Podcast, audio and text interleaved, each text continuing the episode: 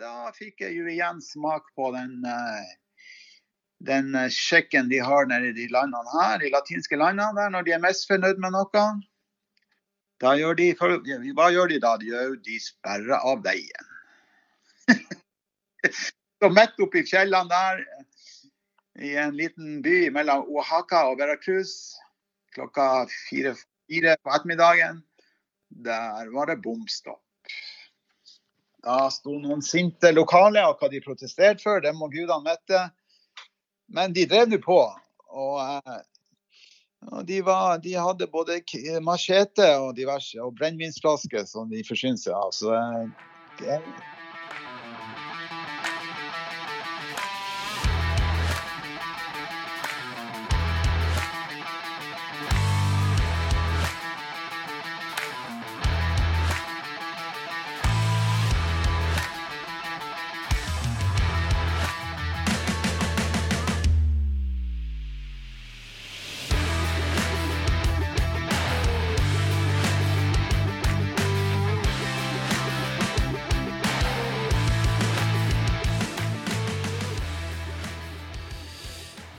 Velkommen tilbake til Rally Nord-podkast, dere. Dere veit hvem jeg er fortsatt. Uh, Dennis uh, Travolta.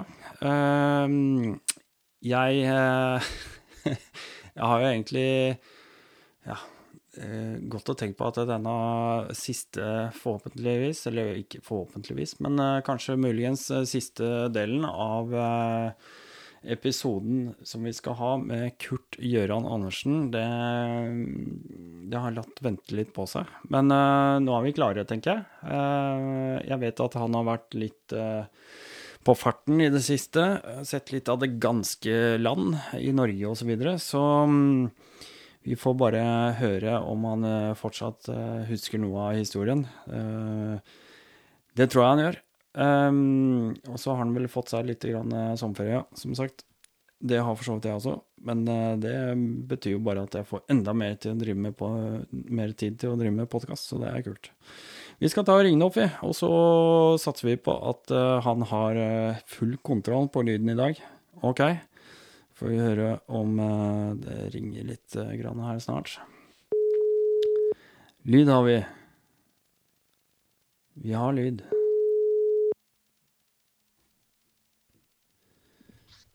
Hallo, ja. Hallo, du. Det er Dennis som ringer. Hallo, ja. Velkommen tilbake til eh, Rally Nord-podkast, da. Jo, takk for det. Så må jeg nå slå på denne høyttaleren igjen, da. Ja. uh, du, du, du, Skal vi se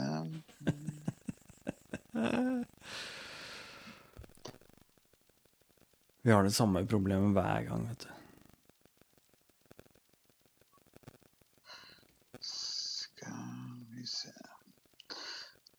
Ja, det var noe merkelig at jeg ikke klarte å finne den gangen. Mm.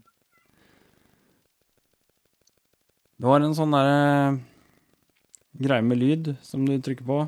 Sånn med bilde av et headset. Ja, så var det å finne det der eh, headsetet, da. Hvis du har øh, Øverst oppe i venstre hjørne så står det nå et eller annet, tror jeg.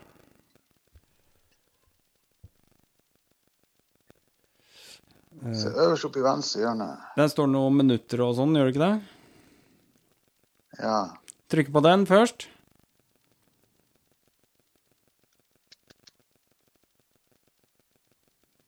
Og så kommer det opp uh... Der kom han, ja. Der kom han. da, da fikser du det? Da er det i orden, ja. ja kanon, altså. Ja. Mm. Jeg har akkurat vært og tatt med meg en kaffe, for jeg tenkte at uh, dette kan uh, Dette er jo hyggelig, for at når vi prates, så tar det jo ofte litt tid. Ja, rart med det. Det tar litt tid.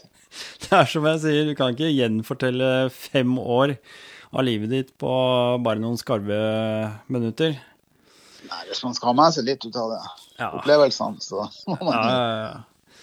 Nei, det har vært uh, moro, det. Jeg har, jeg har, fått en del uh, bra, morsomme tilbakemeldinger på, uh, på at folk setter pris på å høre på historiene dine, i hvert fall. Så det, Det trenger du ikke bekymre deg for. Ja ja, det var jo artig. Du, vi har jo eh, Ja, hvor er det vi ikke har vært, holdt jeg på å si? Vi har jo nå vært igjennom eh, ja, først så var vi jo gjennom litt Europa, og så videre over til Asia og ned gjennom der, og Australia. Og så har du dumpa over og kommer deg opp gjennom Sør-Amerika. Og for de som eh, lurer på åssen det gikk, så ligger jo de episodene fortsatt eh, helt klare for alle. Det er i overkant fem timer eh, så langt. Eh, som, som, ligger til, til, lytterens disposisjon, som det heter. Og hvis vi skal ta oss og oppsummere lite grann, eh, for det, det, blir litt dumt å gå inn på de samme historiene der igjen, så kom vi til eh, Cartagena.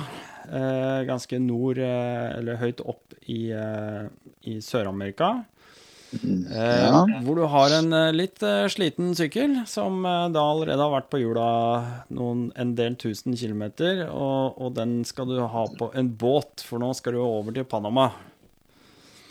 Ja, det er jo det der berykta, berømte Darien Gap, som det heter. Ja, Darien Gap, ja som må krysses. Uh, nei, for Hvis man ser på kartet, så sitter jo Sør-Amerika med Colombia og Mellom-Amerika med Panama. De sitter jo sammen. Ja.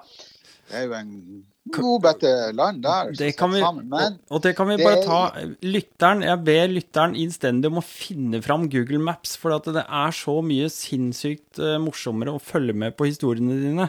Jeg glemte absolutt, egentlig absolutt. å si det innledningsvis også, at uh, ta, hvis du har muligheten til å ta fram Google Maps og så bare følge med etter hvert som historiene blir fortalt, så, så ser du liksom hvordan, uh, hvordan, du beveger deg rundt uh, i verden. Det er innmari fascinerende og morsomt. Men uh, beklager at jeg avbrøt. Vi bare fortsetter.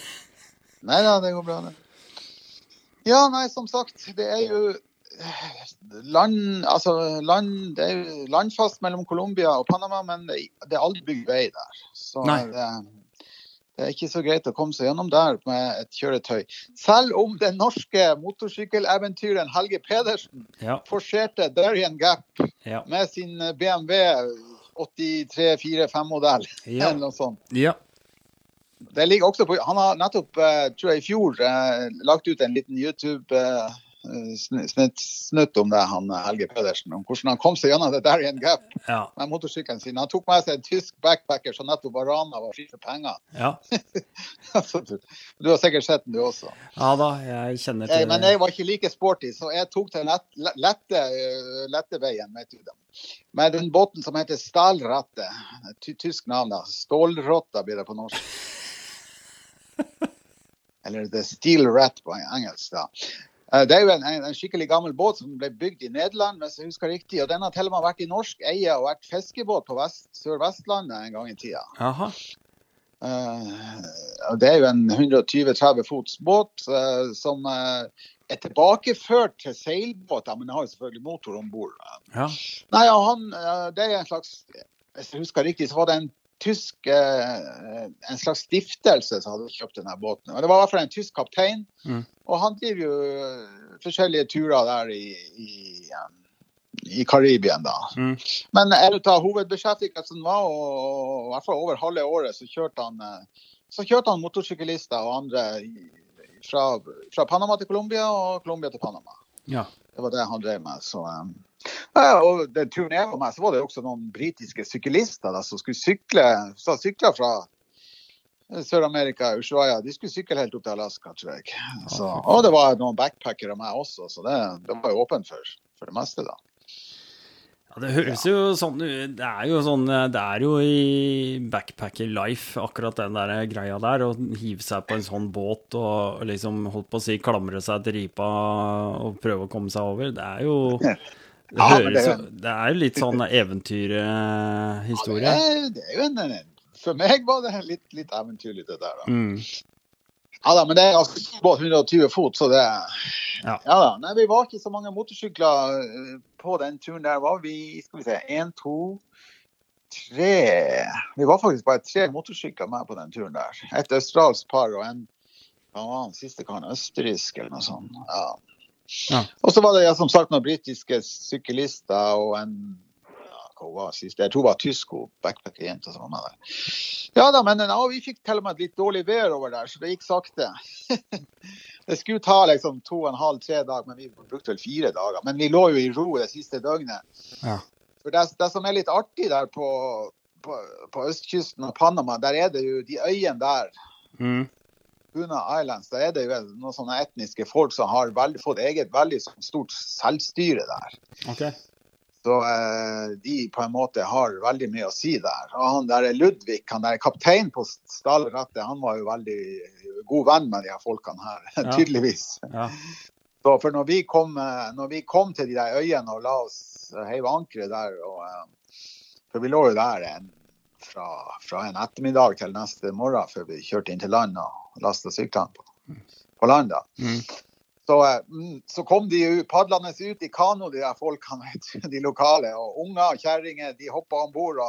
De gikk rett inn i kjøleskapet og forsynte seg. Nei, jo, så de var akkurat som hjemme, de da. Det var de var liksom akkurat som hjemme. Så eh, ja da, og så skulle de jo selge, selge oss noe juggel også, selvfølgelig. da. Ja, ja. Nei da, men eh, litt senere så kom mannfolkene da, med, med og slengte om bord fersk hummer og fisk og sånn. Så vi fikk oss jo en bedre sjømatdinner den siste dagen der. ja. Og så var vi på land, siste kvelden var vi på land ut av de øyene der og, og fikk, eh, fikk se noe lokal dans og hula-hula-dans og et eller annet sånt der greier. Så det var artig. Kun Coon Islands på, på, på østsida av Panama der. ja. Det er kult, da. Det var veldig kult, ja. Det var det. Nei, altså kom vi jo til til- og, og de har jo eget passkontor, eh, immigrasjonskontor bort på de øyene der. Så han, uh, han der skipperen han, på stallrattet, han Ludvig, han tok med seg alle passene til folk som var om bord. Og, og for i land på et av de øyene og fikk de stempla oss inn til Panama. Jøss. Så det, de har veldig stort selvstyre der på de øyene der, altså, faktisk. Det Merkelig. folkeslaget der. Merke. Ja, altså dagen etterpå, da var det å laste syklene i land. Altså, da var vi jo en brr, 100 km sør for Panama City, da. Mm. Så da, så da var det jo å komme seg opp til Panama City, og så måtte vi få motorsyklene registrert inn. Så vi måtte på flyplassen der, og det var litt styr, da. Men, Men, men det gikk nå, det også. men dette er Dere kommer i land på vestsida av Panama, gjør dere ikke det? Nei, østsida. Nei, jeg mente nei. østsida. Østsida mente jeg. Unnskyld. Ja, ja, ja, vi er på Ja. Karibesida. Ja, ja, ja, Karibesida. ja, ja. Mm. Ja. OK. Nei da, så da kom vi opp til Panama City eh, og fikk stempla inn motorsyklene også etter hvert. Og så var jeg jo noen dager i Panama City. Jeg måtte jo få med meg den der kanalen, da. Så jeg var jo og kikka på den der Panama-kanalen. Ah. Jeg har bygd et svært sånn her visitor center, så du står og ser på båtene bli slusa gjennom. Ah. Men det er jo, men det jo to løp i den. Det er to løp i den Panama-kanalen. Ja, de, de er, aller største båtene de gikk i den andre, andre løpet, så vi fikk liksom ikke se de så nøye. er, den, er den gravd ut helt fra Gamboa og helt ut, eller? Ja, den, den går jo ifra, helt ifra karibiske sida til Ja, men har de gravd ut hele den, eller er bare deler av den? Vet du det? Nei, Du kan ikke si noe av, den jo, går jo gjennom en innsjø og sånn. Ja? Ja. Ja. ja. Okay. Men, men altså, hele, alle detaljene der Mm. husker jeg ikke. Nei, nei. Men det er jo en veldig viktig kanal. Den er jo kjempetrafikkert. Og, og eh, kan jo ta et halvt minutt om, om den historien til den. Det var jo egentlig franskmennene som begynte å grave ut den der, men de, de, de ga seg. For det var så mye det skjedde så mye ulykker, det var så mye tropesykdommer, og mygg og malaria og dengue og alt mulig, så de ga seg. Så da overtok amerikanerne Ah, til slutt. Det var de som fullførte den. Okay. Så det var jo derfor amerikanerne hadde jo rett på, hadde jo, eide jo på en måte denne kanalen helt til jeg husker ikke 70-, 60-, 70-tallet en gang. Mhm. Kanskje enda senere. For da, for, men da fikk, eh, da fikk da Panama tilbake kanalen Ja, OK. sånn, i sitt eie. Så eh, Ja. det var litt artig å være og kikke på den Panama-kanalen. Eh, så fortsetter den opp gjennom Panama. Ja, ja, jeg var jo noen dager ute på ei sånn øy på Hva det var den het igjen? Ja, En av de øyene som er på østsida der. Mhm. Lenger nord i Panama. Ok. Og der ble jeg jo litt eh, plaga med å komme tilbake, for det var jo noe fergeavlysning og alt mulig sånn. Og ferger som ikke gikk når de skulle, og de skulle gå klokka ti, og så gikk de halv ti. Så det kom en kvart på ti til fergeleiet. Så... ja, nei, saken var den at når jeg var på tur gjennom eh, Mellom-Amerika, så hadde jeg egentlig litt dårlig tid. For at jeg hadde jo vært på, på, på veien da i nesten et år, så hadde jeg planlagt å dra en tur hjem igjen. Ah, Og jeg hadde jo fått meg et sted å lagre sykkelen i Sør-Mexico hos en eh, sånn eh, pensjonert amerikaner som hadde ei stor leilighet der i Playa del Carmen. Mm -hmm. Så jeg måtte dit til ja, rundt 8.-10. desember. Og den der Jeg ankom vel Panama i slutten av oktober. Så jeg hadde ikke mer enn så seks-sju uker på å komme gjennom Mellom-Amerika. Ja, altså fra Panama til eh, Sør-Mexico. ja, for det er jo stykket, det òg. Ja, det er jo et lite stykke, men, men, det, men hvis du ser på kartet, så er jo Mellom-Amerika veldig egentlig ikke så stort, da.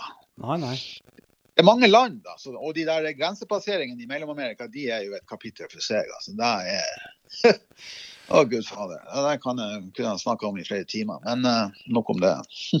Ja, for det, det er eh, Vi har da fra Panama, så kommer det er Costa Rica, Nicaragua, Honduras, El Salvador og Guatemala. Og Belize, hvis du vil ha med det, for den saks skyld. Og så, Ja, jeg var innom alle de. og så kommer du til Mexico, så det, er, det sier litt grann om hvor kort tid du på en måte har, da. Ja, ja. Ja. ja. Nei da, altså, men eh, Og jeg fikk jo egentlig kortere og kortere tid, da. For at eh, ja, Skal vi se, Panama Der var jeg noen dager i Panama City, selvfølgelig. Og så var jeg en par-tre dager oppe på et sted litt oppe i fjellene litt lenger nord der. Og så var jeg noen dager på denne øya. og der ble nå for det første så var den ferga innstilt på søndag når jeg skulle tilbake. Og mandag da gikk den faen meg før tida. Altså, ja, det var mye styr. Så jeg ble en par-tre dager forsinka ekstra der.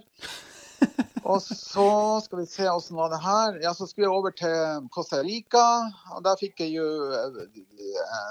fikk jeg jo en sånn forsmak på hvordan de der eh, grensepasseringene i Sør-Amerika kunne være. Mm. For jeg regna jo med at ennå det var ikke den verste. For Panama og Costa Rica det er jo tross alt to av de ja, mer utvikla landene der nede, da. Mm. Mer moderne landene der. da. Og jeg kom jo til grensa der midt på dagen eh, og fikk sjekka greit ut av Panama. Og så skulle jeg sjekke inn i Costa Rica, og der var det en helvetes lang kø. Og det viste seg at strømmen i området hadde gått, så um, da virka jo ikke datamaskinene til immigrasjonskontoret. Så da var det nå bare å kule han der noen timer til strømmen kom tilbake. Og det tok noen timer. ja. Og det var dritvarmt, og kontoret var jo selvfølgelig uten aircondition eller vifte, fordi det var jo ikke strøm der. Ja, du akkurat Du hadde vel ikke akkurat full bevegelsesfrihet heller, så det var vel ikke så greit å Jo da, etter hvert så var det var det greit. Vi kunne bare gå. Jeg gikk rundt i den der lille grensebyen, og jeg var og kjøpte meg noe mat og drikke. Og, Ja. For det tok flere timer, det tok flere timer til slutt. Det Ja. Så det var greit. De sa at vi kunne bare gå. Ja. Jeg var ulevelig inne på det der kontoret, i motorsykkeltøy. og Ja, fy fader. Ja, Det er en av de varmeste plassene. Jeg tror den varmeste plassen jeg var borti, det var med det immigrasjonskontoret der. Ja, ja, men Nok om det. Det tok mange timer å komme seg gjennom der. Men det var pga. strømbrudd. Men det er sånn som skjer nedi der. Ja, skal vi se. Så var jeg i Costa Rica. Det er jo, et, det er jo faktisk det, det mest utvikla landet i hele Mellom-Amerika. Mm. Det er jo ganske mange for eksempel, amerikanske expats der som bor der. OK. Og det er jo et, eh, det er faktisk et tålelig moderne og fint land med ikke så mye kriminalitet i forhold til de andre landene der nede. Så eh, egentlig burde jeg ha vært der litt lenger. Ja. Men jeg var nå noen dager i denne hovedstaden der, og hva heter nå den igjen? Eh, San José. San José heter den, ja. Den er ikke så veldig Den, er den, var, den ble ramma av jordskjelv i 50-60-tallet en gang. Nei, kanskje litt før 40-50-tallet. Mm. Så eh, da gikk eh, mange sånne gamle kolonibygninger De gikk De ble til støv og Mm. ruiner. Så det er ikke så mange gamle, fine bygninger der som det er ellers i Sør- og Mellom-Amerika. da. Men eh, fin by, da. Flotte parker og sånn. Jeg var nå der noen dager. Mm. Eh, Så fortsetter litt lenger opp. Eh, Jeg må, jeg må jaggu se på kartet sjøl. Jeg husker ikke navnet på alle de plassene jeg var på. Men jeg var litt Jeg var, jeg en plass til i Costa Rica, og det var heter så mye som Det var litt oppi fjellene nær noen vulkaner og litt sånn eh, natur, eh, nasjonalparker. Skal vi se.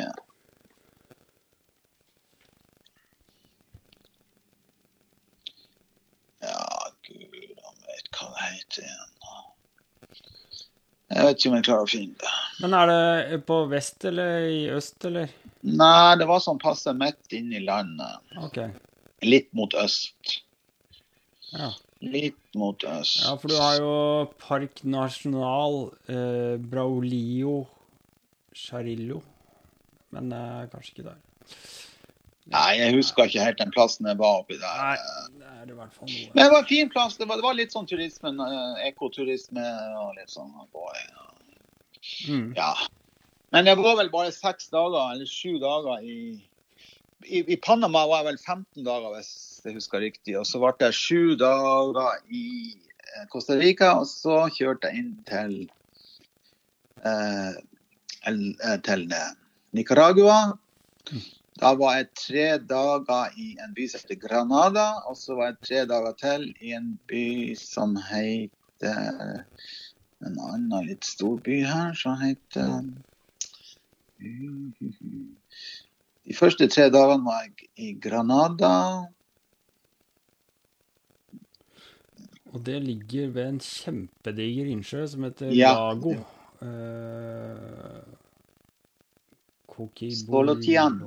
Solotiano.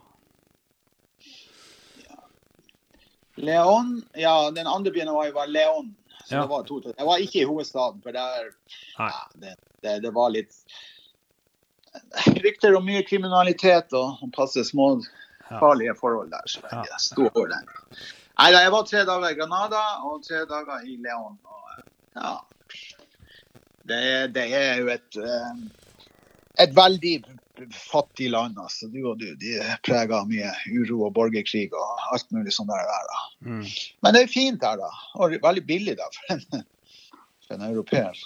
ja. Og, og veldig fine byer. Gamle bygninger og brosteinsgate og sånn. Sånn koloni, gamle kolonistil. Mm. De to byene jeg har besøkt, både Granada og Leon. Ja. Nei, altså det, det er jo For meg så virker det som det er veldig sånn frodige, fine land. da, At du uansett nesten hvor du kommer, så, så har du mye historie. Eh, Ja. blanding av gammel kultur og, og skal vi si ja, eh, diverse europeisk innvandring. si Ja, det, sånn. det, det er jo selvfølgelig det.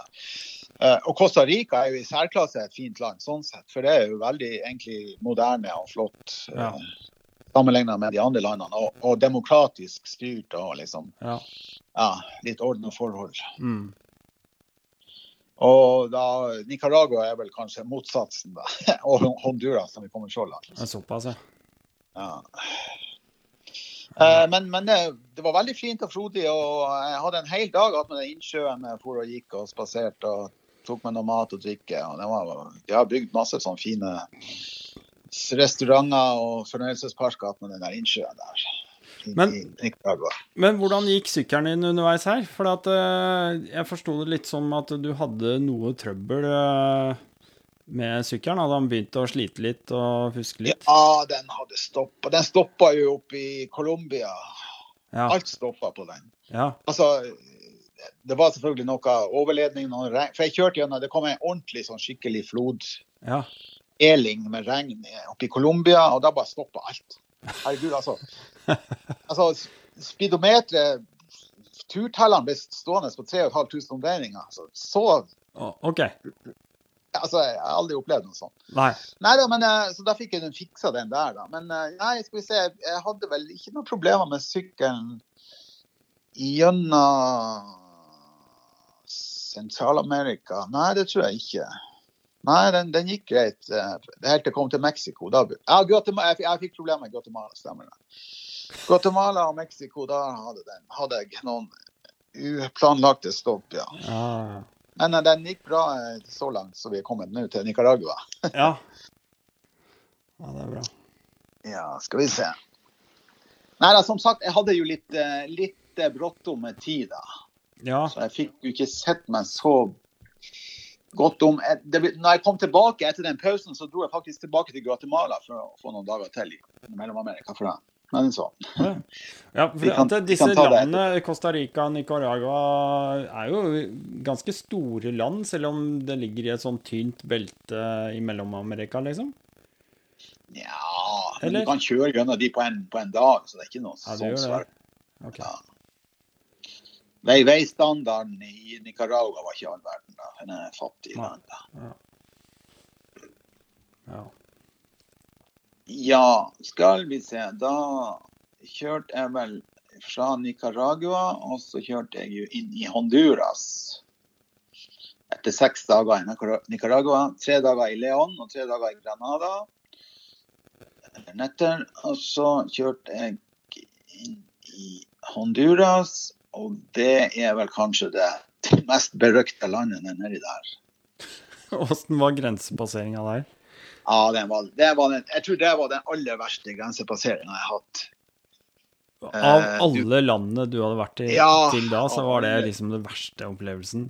Ja, det var den verste opplevelsen. For eh, det henger en masse tvilsomme typer henger omkring rundt den der eh, den der grensestasjonen. Det henger masse tvilsomme typer rundt der, og noen selger ditt og datt, og noen selger mat og drikke og sigaretter og sånn. Og, og, og mange sånne tvilsomme tilbud om å passe på sykkelen min. Ja, de kan passe på sykkelen min for Ja, deg. ja, ja. Altså, litt sånn hint hit og dit, og vifting med hode og hender. Og... Men jeg parkerte den så nært jeg kunne utafor, sånn at jeg så den gjennom vinduet. Mm. Og jeg, jeg nekta å, å betale noe for den. Og det gikk, det gikk bra, men fy faen, altså. Det, jeg, jeg, jeg, ja, for jeg måtte jo stå i lang kø for å fikse alt av papirer. og flere, Du måtte jo innom mange luker og stempel og alt mulig. ikke sant? Så. ja, ja. Og det tok jo sin tid, og du måtte betale avgifter både her og der. og selv om jeg hadde gjort godt forarbeid og prøvd å huske på hvilke avgifter som var reelle og hvilken som var lureri, så, så ble det jo lurt. altså. Ja. Og noen avgifter er jo bare funnet på bare for skøys skyld, sånn at de kan stikke noen penger i lommene. ikke sant? Det er helt utrolig. Ja, Den der, var- den der, var, den der var slitsom, altså. Jeg husker den der grensepasseringa der. Det er nesten så utrolig at det er fascinerende at eh, offentlige tjenester på en måte kan være så forbanna korrupt. Åpenlyst korrupt, liksom. Det er sånn det er der, vet du. Ja, ja, ja.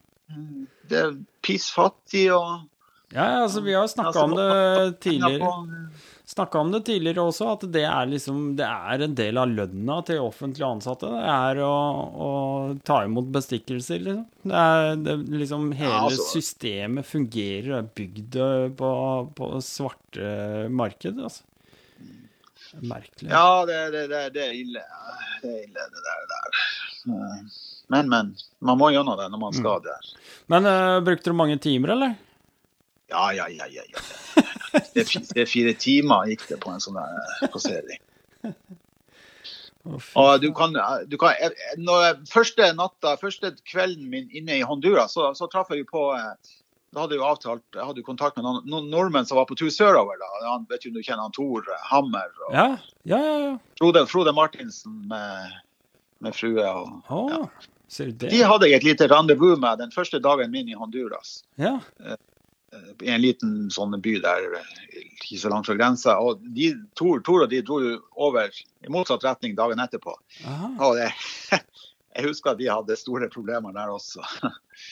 Ikke sant? Det, det er så mye dill og dall, og så mangler du ett stempel her og en betalt avgift der, og så må du gå tilbake til luke tre og en Nei, det, det er kaotisk. Du må, du må gjøre så godt forarbeid du kan, og så Ja. må du bare prøve å ha tålmodighet. Ja. Ja. Ta med deg ei flaske vann, for blir, det er dødsens varmt og du blir tørst underveis. ja. Å, fy faen. Ja, så var jeg inne i Honduras, da, og det er jo kanskje det mest berøkta landet nedi der. altså. Uh, ja, jeg hadde en natt nede i en kveld uh, sammen med Tor og de gutta der. Frode. Hvor var dere da? Nei, faen, det var, jeg husker ikke. Det var en liten, ubetydelig by. Uh, bare en liten time fra grensa. Ok. Uh, jeg husker ikke hva det heter. El Paraiso er jo et sånt kjent sted, så vidt jeg vet. Nei, det var ikke noe kjent sted. det her. Det var bare sånn, okay. et, eller to overnattingssted. Nei, men så kjørte jeg opp til hovedstaden etter, etterpå. Så var jeg der et par-tre dager. Uh, jeg bodde litt i utkanten av den Tegucigalpa uh, hos ei uh, dame der. Airbnb-rom. Og der er det jo Altså, jeg husker Samtidig med at jeg var der, så, så hadde VG en reportasje fra Tegucigalpa hvor eh, lokale gjenger hadde bare skutt ei, ei, ei, ung jente som ikke vil være kjæreste med en av medlemmene i den gjengen.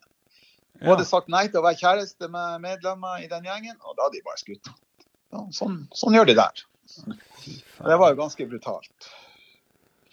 Sant, ei ja, 17-18-19 år gammel jente som ikke vil være kjæreste med en av gutta i gjengen, da, da skyter vi henne. Sånn, sånn fungerte det. Og hun der eh, dama som jeg bodde hos eh, i Tegucigalpo, så bare sa bare til meg du går ikke ut etter at det ble mørkt her. Du, du, er inne her til det blir mørkt. Mm. For det, du får ikke lov av meg å gå ut etter mørkets frambrudd. Og det blir jo mørkt der klokka halv seks-seks på kvelden. Ja, ikke sant? Oh. Så, eh, så, jeg fulgte bare hennes ordre. Det lå et sånn lite kjøpesenter rett bortenfor det der, så jeg kunne gå på det. Det var bare ja. Så jeg hengte ut der på kveldene. De der to kveldene jeg var der. Det er Ja, nei. Det er ikke noe spøk der, nei. Ja, det står, du, du kan jo lese guidebøker og sånn. Det står jo det samme der omtrent. Så det er bare å følge det. Ja, ja så det, det, er jo eh, ja,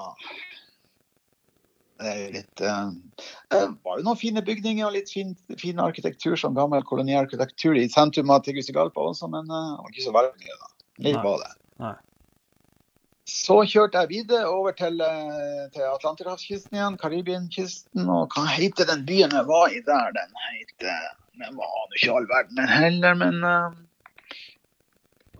Jeg må se på kartet. La Seiba heter den. Den ligger midt på kysten der. Ja, helt nord.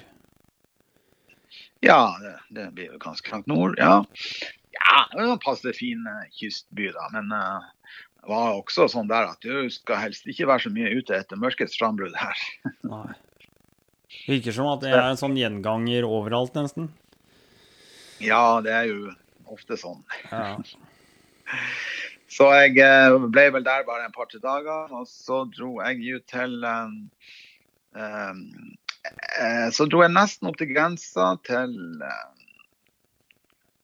til El Salvador og til Copan, en liten by, landsby nærmest, heter Copan. Mm -hmm. Fordi der ligger det noen sånne eh, ruiner etter eh, gammel befolkning. Eh, er det aztekere, eller hva, hva det? ja. ja, Maya, Maya selvfølgelig. Maya. Maya-indianerne hadde jo et, et stort eh, Så det ligger noen eh, Det er vel de sørligste av de større ruinene etter maya-indianerne som ligger der på, på grensen, helt i Nord-Honduras, på grensen til El Salvador. Ja. Copan heter den. Og det var faktisk en utrolig fin liten by med brosteinsgate og gamle og gammel arkitektur og kolonistil. Og, og de der ruinene Eh, de lå bare et par kilometer fra byen, så du kunne gå dit, faktisk. Ja. Du, du, trengte ikke å humpe på dårlige grusveier i flere timer. Du kunne gå dit. Eller ta moppen dit. Så det var veldig Og utrolig fin liten by, den der Kåpan. Så der ble jeg noen dager og sjekka ut de der ruinene. Og de er jo godt, godt tatt vare på, de ruinene der. Mm. Maya-ruinene der. Så det er, det er, en plass jeg kan anbefale hvis man er i nærheten. Men hvordan kommer du over alle disse stedene? For du er jo innom og besøker veldig mye. Det, har du liksom eh, Altså, du gjør jo en eller annen research, men hvor er det du gjør den beste researchen eh, for, eh, for å komme til et sånn nytt land, på en måte? Nei, altså, jeg leser jo hva andre, andre overlendere har skrevet. Mm. Og så, uh, så, brukte jeg rett og slett guidebøker. Jeg tror jeg hadde, jeg hadde guidebøker for alle steder jeg var på. Ei for Sentral-Amerika og ei for Sør-Amerika. Det kan være Rough Guide eller Lonely Planet eller whatever. Mm. Bruker jeg litt. Bruker jeg som guidebok. Ja. Og så hører jeg hva andre motorsyklister har uh, skrevet på diverse forum. Uh, det er jo Horizons Unlimited, f.eks. Ja. Ja. mye, mye der. Mm. Eh, og ellers plukka jeg opp ting som er interessant. Jeg får tips av folk til møte underveis. Og jeg bodde jo mye på Airbnb, så fikk jo mange forslag av folk, eh, lokale folk. ja, for da har du mye lokal kunnskap mm. innafor.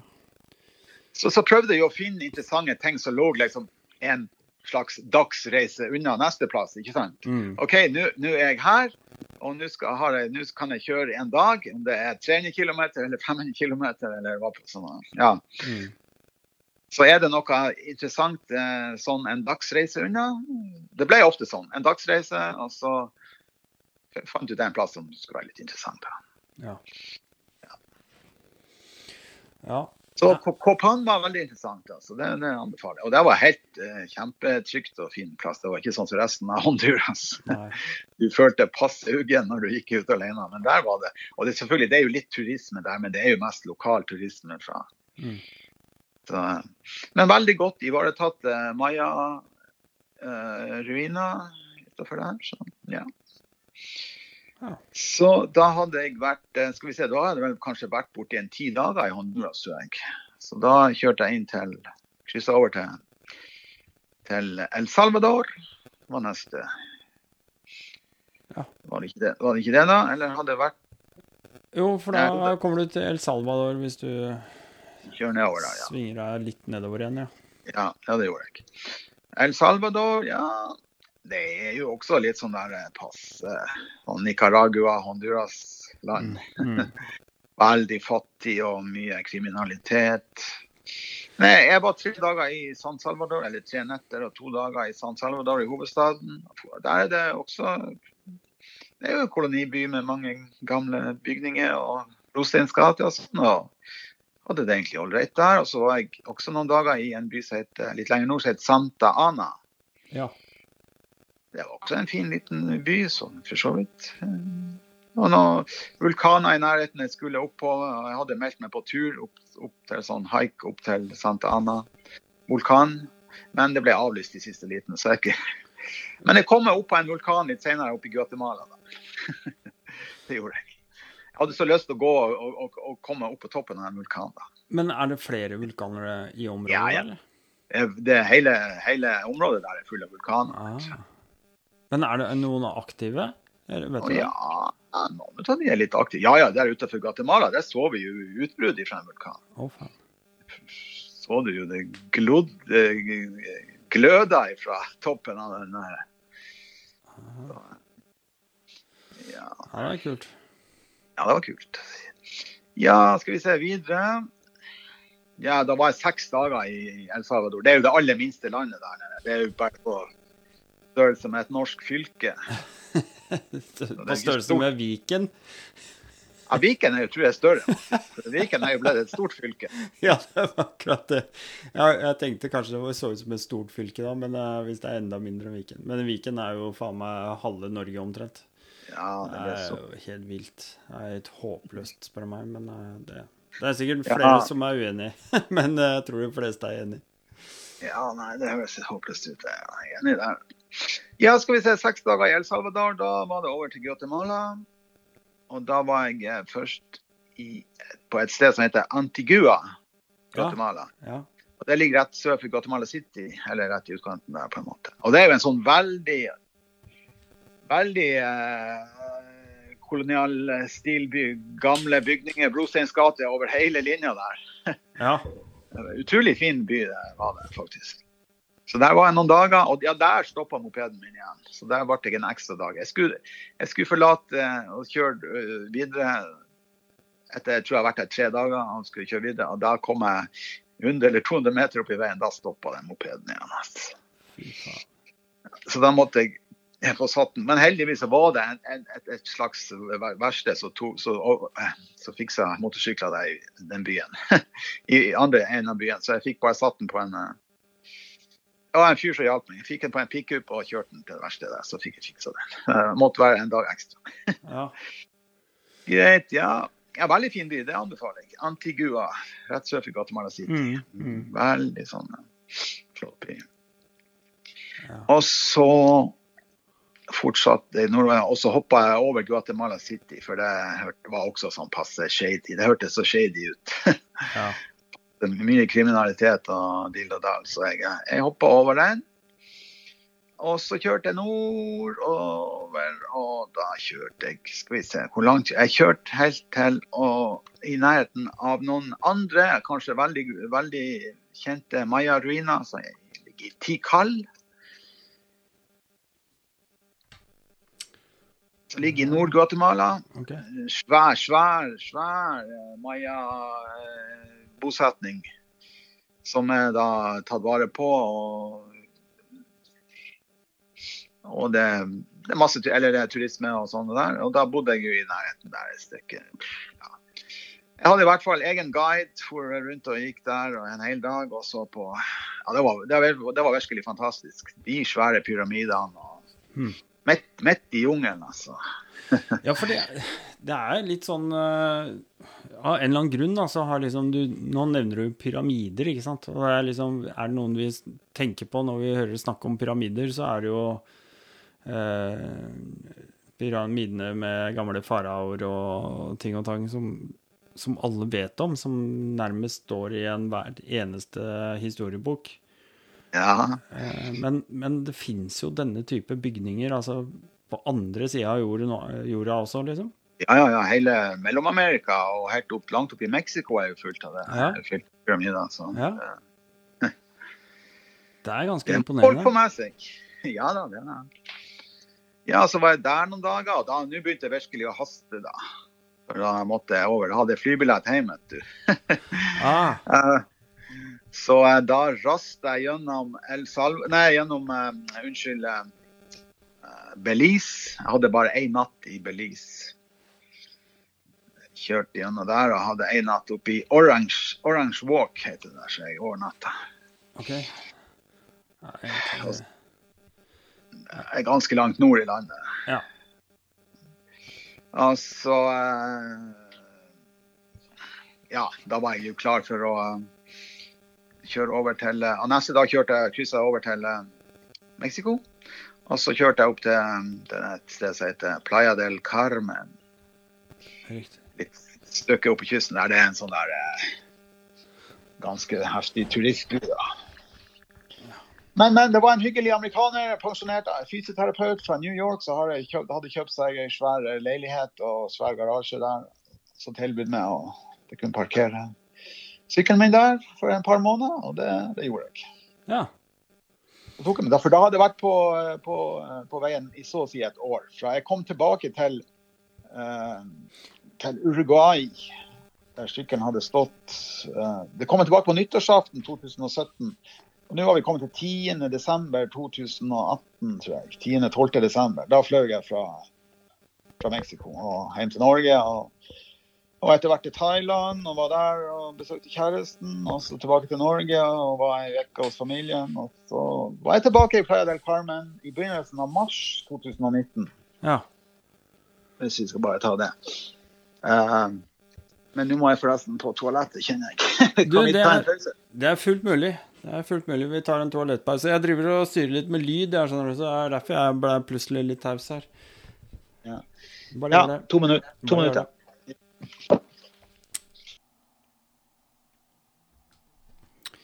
Ja, kjære lytter. Uh, mens eh, Kurt Gjøran er ute på toalettet og gjør sitt uh, lille fornødne, så får jeg bare benytte tiden litt godt, da. Og så må jeg jo putte inn litt egen reklame, som dere skjønner. Um, det jeg vil ta opp, er jo først og fremst uh, podkasten i seg selv, og at uh, dette er jo bare en uh, selvstendig drevet podkast som, uh, som jeg bare har kasta meg i gang med. Podkast for eh, motorsyklister, eh, eller eh, kanskje folk som bare har interesse av å høre på podkast. Det kan være noen som faktisk ikke kjører på eh, motorsykkel der ute også, som syns dette er eh, interessant, og det er jo gøy. Um, jeg vil også da bare si at uh, dette er jo en såkalt lav oktan-podkast, og dere har jo fått med dere at jeg har diverse problemer med både lyd og teknikk og i det hele tatt. Det er klart jeg er en glad amatør som bare prøver å gjøre noe moro. Uh, veldig mye for min egen del òg, selvfølgelig. Uh, jeg har noen patrons. Uh, og det er jeg veldig, veldig glad for. Uh, de bidrar med både stort og smått.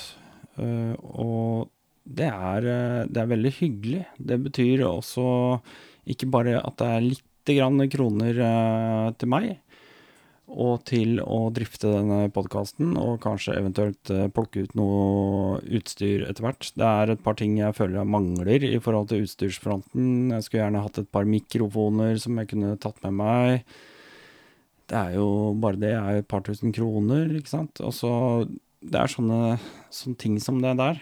Det, er, det, baller fort på seg veldig mye. Dere veit jo det når dere kjøper dere en uh, flunka ny motorsykkel, for de som har gjort det.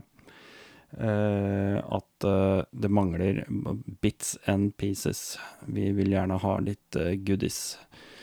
Og um, ja, dessverre har jo veldig mye av disse utereportasjene mine framstått Ja, det er langt under pari, men kunne kanskje vært bedre med et par mikrofoner, tenker jeg. Så det er én ting. jeg vil takke Uh, mine patrons, det er uh, Pål, Ruben, Thor, Rune og Frode. Tusen hjertelig takk. Dere har uh, valgt dere ut diverse pakkeløsninger som jeg har på Patrion, så hvis dere følger linken i shownotes, så vil dere komme inn på min Patrion-account. Der kan dere bare ved et par tastetrykk bidra med stort og smått. Der er det noen pakker, både Rally 25, Rally 50 og Rally 100. Det tilsvarer da norske kroner i måneden. Eller engangsbeløp, eller andre beløp du finner mer fornuftig. Nå er det også sånn da at hvis man velger disse pakkene, så vil det også gi um, Ja, det vil gi noen fordeler. Eller kanskje bare dere har lyst til å gi meg noe uten å ta imot noen fordeler, jeg vet ikke. Klistremerker, dekaler. Uh, Discord-serveren. Discorden er uh, ja, det er et uh, medie som vi kan bruke til å ha egne tråder. Hvor vi kan legge inn diverse diskusjonsforum. Vi kan ha tale- og chattekanaler.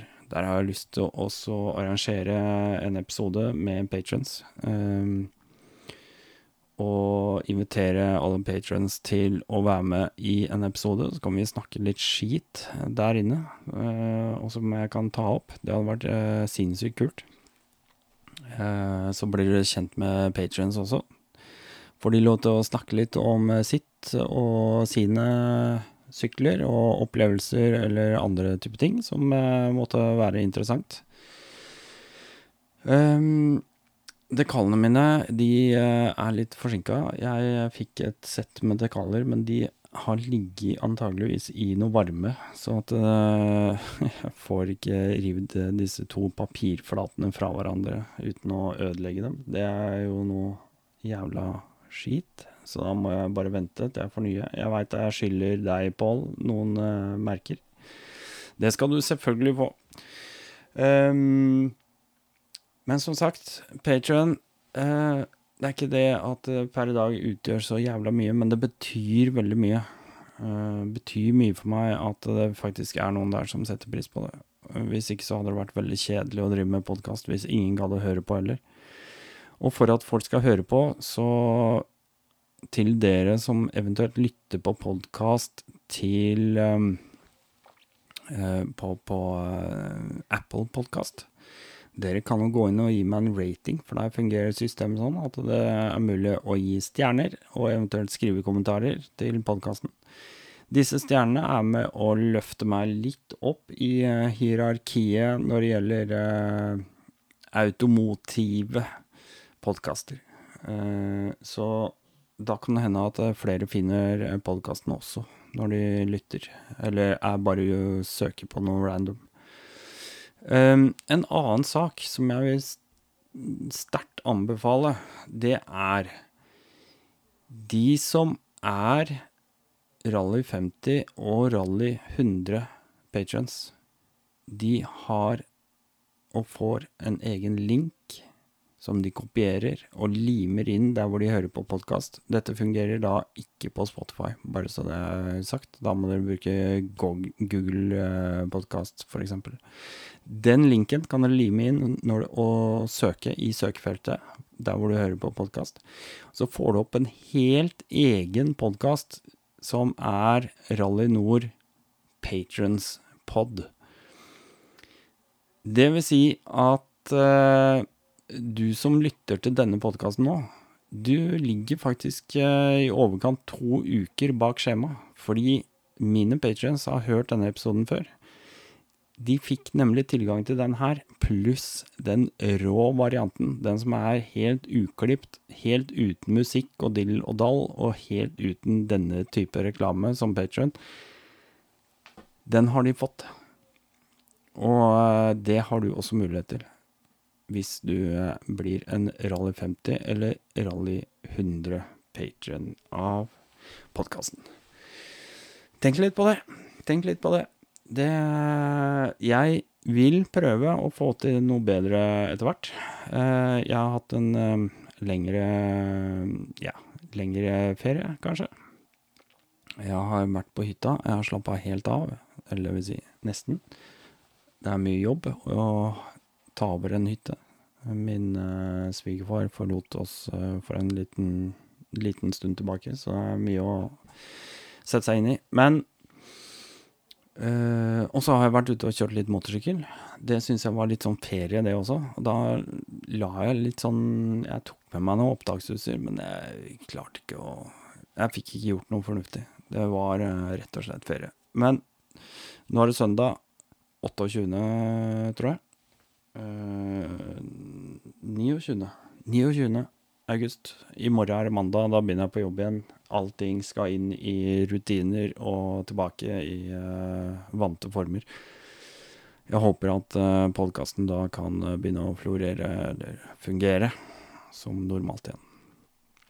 Nå tror jeg han uh, godeste Kurt Gjøran er ferdig på toalettet for svært lenge siden. Så da setter vi bare videre over til de neste timene med Kurt Gjøran. Takk for meg. Ja, da var jeg tilbake. Ja, men Det er supert. Jeg tror jeg har fått eh, ordna litt lyd i mellomtida. For jeg hadde noe lydproblem ja. her. Det er, det er, veldig irriterende, men har så, jeg har så sinnssykt mye ledninger, og de de ledningene de, er sånn, eh, de kan sende signaler som ligger og skurrer på hverandres linjer, og så finner man aldri helt ut av hva den lyden er for noe. Det er dødsirriterende. Men nå har jeg klart å løse det midlertidig, i hvert fall. så det passer ja, bra. Ja. Men eh, ja. hvor i, hvor i eh, Mexico er du nå, egentlig? Ja, jeg, altså i Playa del Carmen. Ja. Det er på sørsida av Yucatan-halvøya. Eh, det er en sånn passe stor turistby. Ja. Cancún er jo enda større, ligger en time lenger nord. Akkurat. 70 km lenger nord. Uh, det var mye turister der fra USA og fra Europa også. Kanskje ikke så mye nordmenn, men OK. Men uh, nok om det. Jeg hadde jo fått uh, tilbud om å sette sykkelen der, og det var jo greit. Ja. Jeg kom tilbake i begynnelsen av mars, henta ut sykkelen, og da tenkte jeg jo som så at, um, at jeg hadde sett lite av Egentlig sett litt lite av uh, Mellom-Amerika, så jeg tenkte jeg skulle i hvert fall dra tilbake til um, Guatemala og se meg litt mer om. Ja. ja så, men uh, jeg starta jo uh, Først tok jeg meg en liten sving. Um, en liten sving rundt i Mexico. Jeg kjørte ikke tilbake samme vei. Jeg kjørte litt rundt. Eh, Stopp. Jeg så jo på noen andre rutiner også. Noen andre sånne mayaruiner her i en plass. Kalakmul heter det. Mm -hmm. Stoppa der og så var jeg i en sånn liten fin by. Hva den heter Palenke heter den, ja. Da har vi kommet liksom midt, litt lenger inn, og ganske nært grensa til, eh, til, eh, til Guatemala igjen. Ja. Noen dag, ja, i Palenque ja der, ligger, ja, der lå også noen ruiner rett utenfor byen. Maya-ruiner rett utenfor byen. Okay.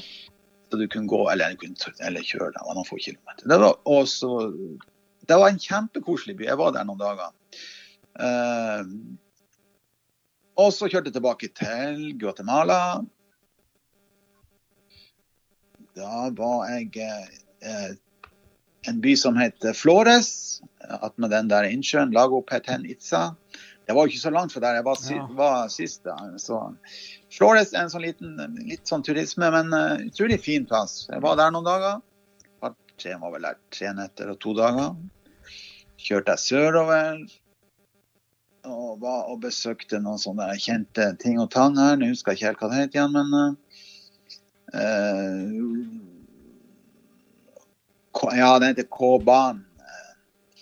K-banen, og der er det noen sånne kil, varme kilder og alt mulig greier. Jeg var nå dager, et par dager, og så um, videre sørover i Guatemala. Og så skal vi se om vi finner de plassene der, ja. Du vet, eh, Guatemala er egentlig det landet i, eh, i Mellom-Amerika som er minst eh, på en måte kolonialisert av eh, europeere. Mm. Så enkelte steder, eller mange steder i, i, i Guatemala er det liksom bare å, å nærmest eh, den originale etniske befolkninga som bor der. Bor liksom, det er omtrent ikke noe innblanding av europeere. Og har ikke vært der i det hele tatt heller. Okay. Så um, det er Guatemala. Og da var jeg på en plass som heter Chichicastenango. Der hadde de et sånt, har de et sånt berømt marked i byen. Okay. Så der stoppa jeg. Og der er det bare Der snakka de faktisk knapt nok spansk. Aha. Der var det litt vanskelig å gjøre seg forstått. Ja. Men, men det var jo noen folk som snakka spansk. Det var det. Men, det var ikke, men engelsk var det veldig smått med der, da. Men uh, greit. Ja, men det var en artig, uh, fargerik by, og det markedet var jo utrolig. Uh, Så mye rart man kunne kjøpe der. Ja, så, så det anbefaler jeg hvis man virkelig vil se den. eh, Ja, det er jo kult, eh, morsomt å komme til sånne plasser hvor liksom alt er sånn som kulturen deres tilsier, på en måte. Altså, Ja, absolutt. at det ikke er eh, influert av altfor mye annet eh, dilldall. Det er jo Ja, det var, det var veldig interessant. Eh, eh, og så var det jo, kan jeg jo ta meg litt, no, litt om veiene litt ute på landsbygda i Guatemala. De var forferdelig dårlige. Altså. Det var mye grusvei. Forferdelig dårlige grusveier. Altså. Satan ta. Og Gjennomsnitt på 25 km i timen på Du skulle kjøre 100 km, så hadde du brukt fire timer på en strekka. vet du. Da, da er det Å, gud. er godt den er på tur og har god tid. Ja. Ja. Skal vi se. Ja, fra Chichi Castenango dro jeg videre til den der eh, kjente, litt kjente innsjøen. da. Den heter eh, Lago di Atitlan. Eh, Og der var jeg Det er jo mange sånne småbyer rundt omkring der, men jeg, altså, jeg var jo i en Jeg var i den, jeg var i en by som heter Panajachel. Pananachel. Panajachel. Uh, det, men det er mange sånne småbyer rundt, uh, småbyer rundt den der innsjøen der, og masse trafikk på den innsjøen. Og, uh, men jeg tok bare dagsturer til de andre byene rundt der. Mm. Jeg var der ganske lenge, jeg tror jeg var der fire-fem dager. Veldig fint. Kjempefint sted. og Kjempefin innsjø med mye folkeliv og sånn rundt omkring der. Mm. Så det er et veldig fint sted. Det kan jeg anbefale. Mm. Og mange av de byene, eh, småbyene rundt på innsjøens bredder der i Guatemala.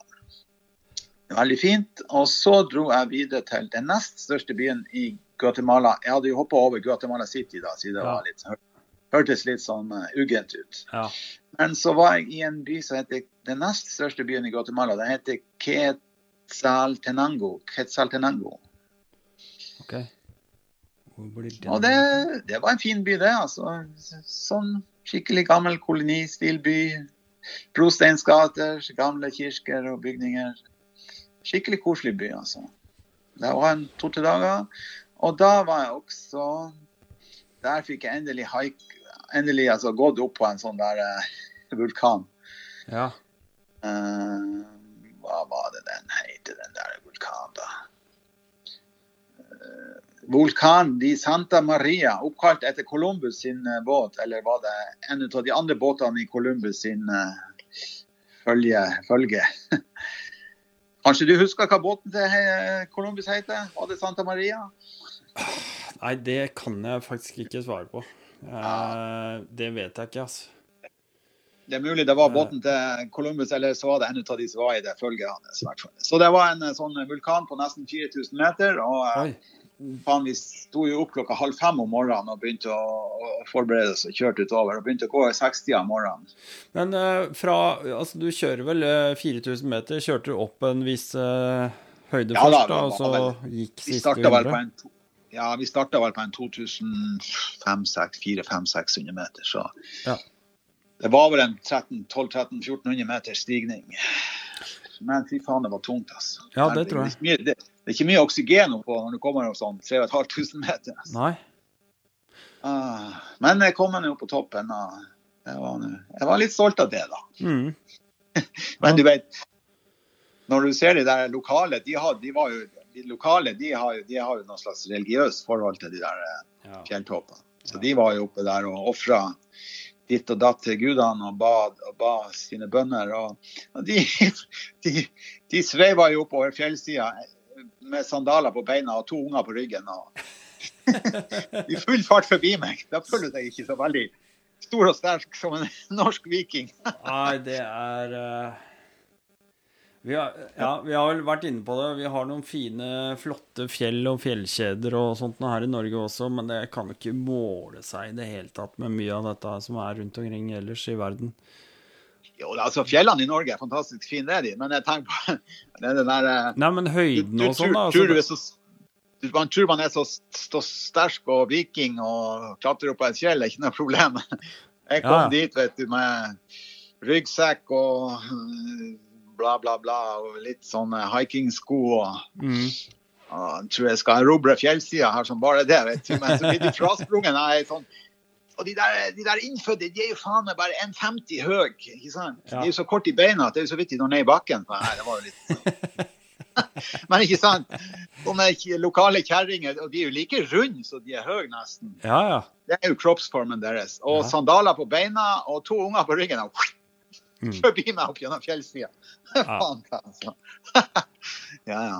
Nei, det er eh, Jeg det de er jo født og, født og Ja, det i de dette. altså, det er jo De helt er normalt. oppvokst, Det er, de, de, De er sprenger opp den fjellsida to ganger daglig, sikkert. ja, ja, ikke sant? Det er akkurat som om du hadde spasert en liten tur eh, langs kaia i Horten, ikke sant? Eh, Jeg husker det samme fra, fra noen år tilbake i Thailand. Jeg var på trekking oppe i fjellene i Nord-Thailand. og pff, han Guiden vår han hadde leid en sånn lokal karendame Karen-dame til å bære uh, utstyr og mat til oss. ja. Og hun for og gikk der med en svær bør på ryggen og sandaler på beina og røyka pipe opp gjennom fjellsida. Og vi, vi andre vi klarte så, Og vi var jo unge, mange av oss var jo unge og i- relativt spreke.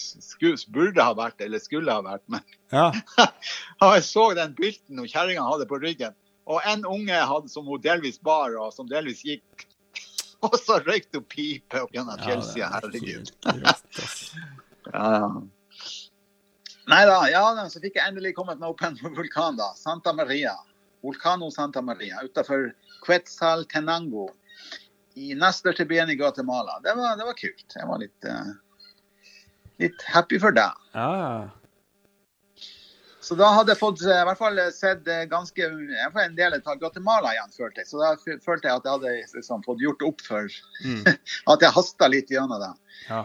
Jeg skulle, jeg skulle jo gjerne ha hatt litt mer tid på eh, de andre landene der nede også, men eh, ja. Jeg var jo på veien i fem år, så Ja. eh, Hvordan var det der? Begynte du liksom å bli litt sånn stressa, litt fed up, eller åssen eh, følte du det Nei da, ja, det, det, var, det var kjempefint. Guatemala var kjempefint. Jeg, hadde, jeg kom jo rett fra pause da. Jeg Ja. bor i Norge og i Thailand og slapp av. Ja. Nei da, så jeg var helt klar for uh, ut. Og det var veldig flott. Guatemala likte meg utrolig bra i, faktisk. Og alle de plassene jeg besøkte der var bra. Og jeg kom over til Mexico igjen, så ja, Mexico er jo et eventyr, altså. Mm. Det er jo kjempemasse fine byer og kultur og natur og i det hele tatt. Mm. Så det var ikke noe problem. Jeg, eneste så var jeg var jo litt bekymra for jeg skulle inn i USA etterpå, hvordan det skulle gå da. Men det gikk nå også bare godt. ja, hvorfor var du bekymra for det? Nei, men det, det, plutselig så måtte jeg over ifra å være til å ha råd til å leie seg et rom for Ja. I, Sør- i Mellom-Amerika og Sør-Amerika så fikk du deg et rom for 100-120-30 kroner. Stort sett. 150 kanskje maks. Ja. Hvis du ikke var kresen, da. Ja. Via Airbnb eller et sliten hotell eller hostell eller noe sånt. Mm. Men det er klart, i USA det var det det får, det får du ikke. nærmest. Men vi kan jo ta reisen inn gjennom Mexico før vi kommer dit, da. Så, Det kan vi ta, vet du. så vi ikke hopper over den eh, sånn med en gang heller. Nei da. Nei da, jeg kom jo da tilbake til uh, se Til eh, Mexico sånn ca. 1. april, tenker jeg det var. Ja. Ja. Hadde vært en eh, par uker i hvert fall i Guatemala. Det var kjempefine uker, det, altså. Eh, så skal vi se, så var jeg jo i den, eh, først i den der sørlige fylket i eh, I Mexico, skal vi se. Jeg var i hvert fall i en Kjørte vel opp til en by som het San Cristobal de los Casas. Det er jo også en veldig sånn kultur, gammel kulturby. Mm. Litt turisme og sånn. og Utrolig fin by, altså. Der var jeg en tre-fire dager. Eh, så kjørte jeg ned til eh, eh, til eh, Stillehavskysten, og der var jeg på et sånn bitte lite sted. Jeg husker ikke hva det heter igjen. Litt, langt, litt lenger når det var en ordentlig lang tur. Masonte heter den, ja. Det var en sånn bitte liten Det var en sånn 600-700 km dag fra San Cristobal de las Casas til Masonte. Jeg kom ikke fram før i 9-10-tida på kvelden. Uh, ja. Masonte var neste stopp etter San Cristobal de las Casas. Og det er en bitte liten sånn by på Stillehavskysten. Ja. Litt sånn turisme og litt sånn strand, strand og sånne greier. Jeg er ikke noe strandgutt, så det, det var vel ikke så lenge der, egentlig. Men ja, fin, fin by. da. Litt sånn turisme fra, fra naboland og sånn. Og innland, selvfølgelig. Så fra Masonte kjørte jeg rett opp og inn i landet igjen, og da var jeg kjør, Det var noen fantastiske veier oppover der. Da var jeg i en neste bystopp var en by som heter Oaxaca, tror jeg det uttales. O-A-X-A-C-A, Oaxaca. Jaha. Og Det er også samme, like, ganske like by som San Cristobal de las Casas. En skikkelig gammel, fin by, kolonistil. Masse fine bygninger, gamle bygninger. Brosteins gate, torg. Uh, marked, så de selger all mulig rart på. oss. Utrolig greier. Ja, det, du har jo vært eh, Det har jo vært eh, sikkert allerede da et hundretalls sånne forskjellige markeder som du har vært innom. Og jeg mener, det er jo kanskje noe av det man Ja, det liker jeg å gå i. Jeg Ja. må alltid innom markedet i en sånn lokal by. Åh, ja, men jeg skjønner er. det. Men fy søren, jeg tenker liksom Tenk deg alle de fristelsene man møter da, på sånne markeder, og ting man gjerne skulle hatt, og suvenirer eller fine pynte Man har ikke mulighet til å ta med seg alt heller, tenker jeg. Å kjøre motorsykkel. Men- Så det er liksom eh, hva Ja. For så vidt er, det jo greit når du kjører motorsykkel. Du kan faen ikke ta med så mye. da. Så Nei, nei, nei. nei. Jeg, jeg, jeg har en sånn liten greie det der jeg har, jeg har en liten greie med å kjøpe T-skjorte fra sånne Ah, litt sånn eksotiske T-skjorter fra, fra steder jeg har vært på. da. ja. Så det kjøpte jeg, da. Men ja, jeg sendte de hjem innimellom, da. Men jeg har T-skjorter fra ganske mange eksotiske plasser. ja, for det, det er jo kult, da. Det er litt sånn kult. da. Ja. Selv om de, folk flest ikke skjønner bæret når de kommer med ei T-skjorte. Fra. Quetzaltenango eller noe sånt. Ja. Nei, for det, Men, eh, det er jo mye morsomt på sånne markeder. Jeg skjønner det. Nei, det er kjempe, kjempefin by. Der var det Ja, i det hele tatt. Det ligger jo oppe i fjellene, da, eller litt sånn på høyde, høydemeter, sikkert. Jeg husker ikke akkurat noen, i hvert fall 2000 meter. høyde. Mm. Så tenkte jeg det at uh, jeg tenkte jeg hadde jo vært på Stillehavskysten, så tenkte jeg å kjøre en tur til uh, Atlanterhavskysten også. Så jeg kjørte fra Oaxaca ned til en by som heter Veracruz. Det er jo en, eh, Veracruz det er jo en ganske kjent eh, og stor eh, kystby på, på Atlanterhavskysten. da Ja. eller meksikanske Gulf, kan man kanskje si. Så jeg kjørte da fra Oaxaca til Veracruz, men da fikk jeg jo igjen smak på den, eh, den sjekken de har nede i de landene her, de latinske landene der, når de er mest fornøyd med noe. Oh. Da gjør de, hva gjør de da? De, gjør, de sperrer av veien. Ja. Å, faen. Så midt oppi fjellene der, i en liten by mellom Oaxaca og Veracruz, klokka fire, fire på ettermiddagen, der var det bomstopp. Da sto noen sinte lokale, og hva de protesterte for, det må gudene vite. Men de drev nå på. Og, eh, de, var, de hadde både machete og diverse, og brennevinsflasker som de forsynte seg av. Så eh, Ja, macheter og brennevin, det er en fin eh, kombo. Da tenkte Nei, for jeg kjørte jo forbi eh, Jeg, var- jeg var faktisk Når jeg kom dit, så tror jeg de nettopp hadde sperra av den der eller satt de opp den veisperringen. For det var ikke så mange biler framfor, eller busser, lastebiler. ikke sant? Det var ikke så mange kjøretøy foran meg. Kanskje 10-15-20 eller noe sånt. Så jeg bare dro jo forbi denne rekka med biler og liksom skulle fram og se hva det var for noe. Ja. Og kom helt fram til den veisperringa, vet du. Og da vifta de med de der machetene og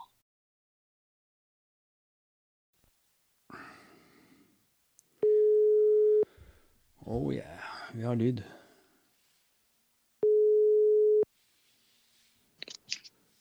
Hallo, ja. Hei, Kurt Gøran. Hei sann. Er du klar, eller? Det, det er jeg, ja. Fy faen. Vet du hva, jeg hadde helt Jeg fikk helt vondt i magen i går, jeg. Altså, jeg bare Det vrei seg i meg. Men uh, jeg har funnet ut hva som var feil, og feilen var det at uh, jeg har sittet og slutt... Jeg har jo hele tida vært påpasselig, tror jeg, da, med å slette det innholdet på minnekortet. Eh, men det har jeg gjort på Mac-en, altså med en sånn kobling imellom, men det viser seg at jeg må inn på lydopptakeren og formatere for å tømme Ah. det kortet helt, og det visste jeg ikke, rett og slett. Så jeg- der har det jo ligget opptak helt fra jeg begynte å bruke den opptakeren. Ah, ok. Så det var ikke rart at den var full. Nei. Teknisk eh, plunder. Ja, men det skjer. Rett som det. Ja, jeg, jeg vil nødig at det skjer så ofte, og jeg er veldig, holdt på å si, hell i uhell, tenker jeg at det skjedde med deg. For at eh, du er jo så lett å få i prata likevel, så når vi først finner tid, så får jeg bare Jeg får trøste meg med at du var så overbærende. Da får jeg bare takke for det. Men uh, vi Det som eh, Vi kom jo så langt som at vi var vel i Mexico et eller annet sted, og der, eh, der eh, er det sånn at de rett og slett barrikaderer veiene når de er dritforbanna på et eller annet. Ja, det gjør de jo gjennom hele Latin-Amerika og Sør-Amerika, så vidt jeg har skjønt. Og Og erfart, ja, til dels. Og så husker jeg ikke akkurat hvilken by eller hvilket sted du var på, men du hadde i hvert fall da kommet til en eller annen sånn eh, hvor trafikken sto helt, og så hadde du kjørt helt opp til den veisperringa, og der var det så mye spetakkel, så du turte ikke noe annet enn å kjøre tilbake og stelle deg Stelle deg bak igjen. jeg, hadde, jeg hadde jo opplevd før i Bolivia at eh, når det var veisperringer, så da kom det noen lokale gutter på motorsykkel, og de klarte å, å, å forhandle seg gjennom, liksom. Ja. Eh, så, eh, så jeg eh, nå, Dette stedet her var i Mexico, det var i me- mellom Oaxaca og Veracruz, sånn halvveis. ja. Ja.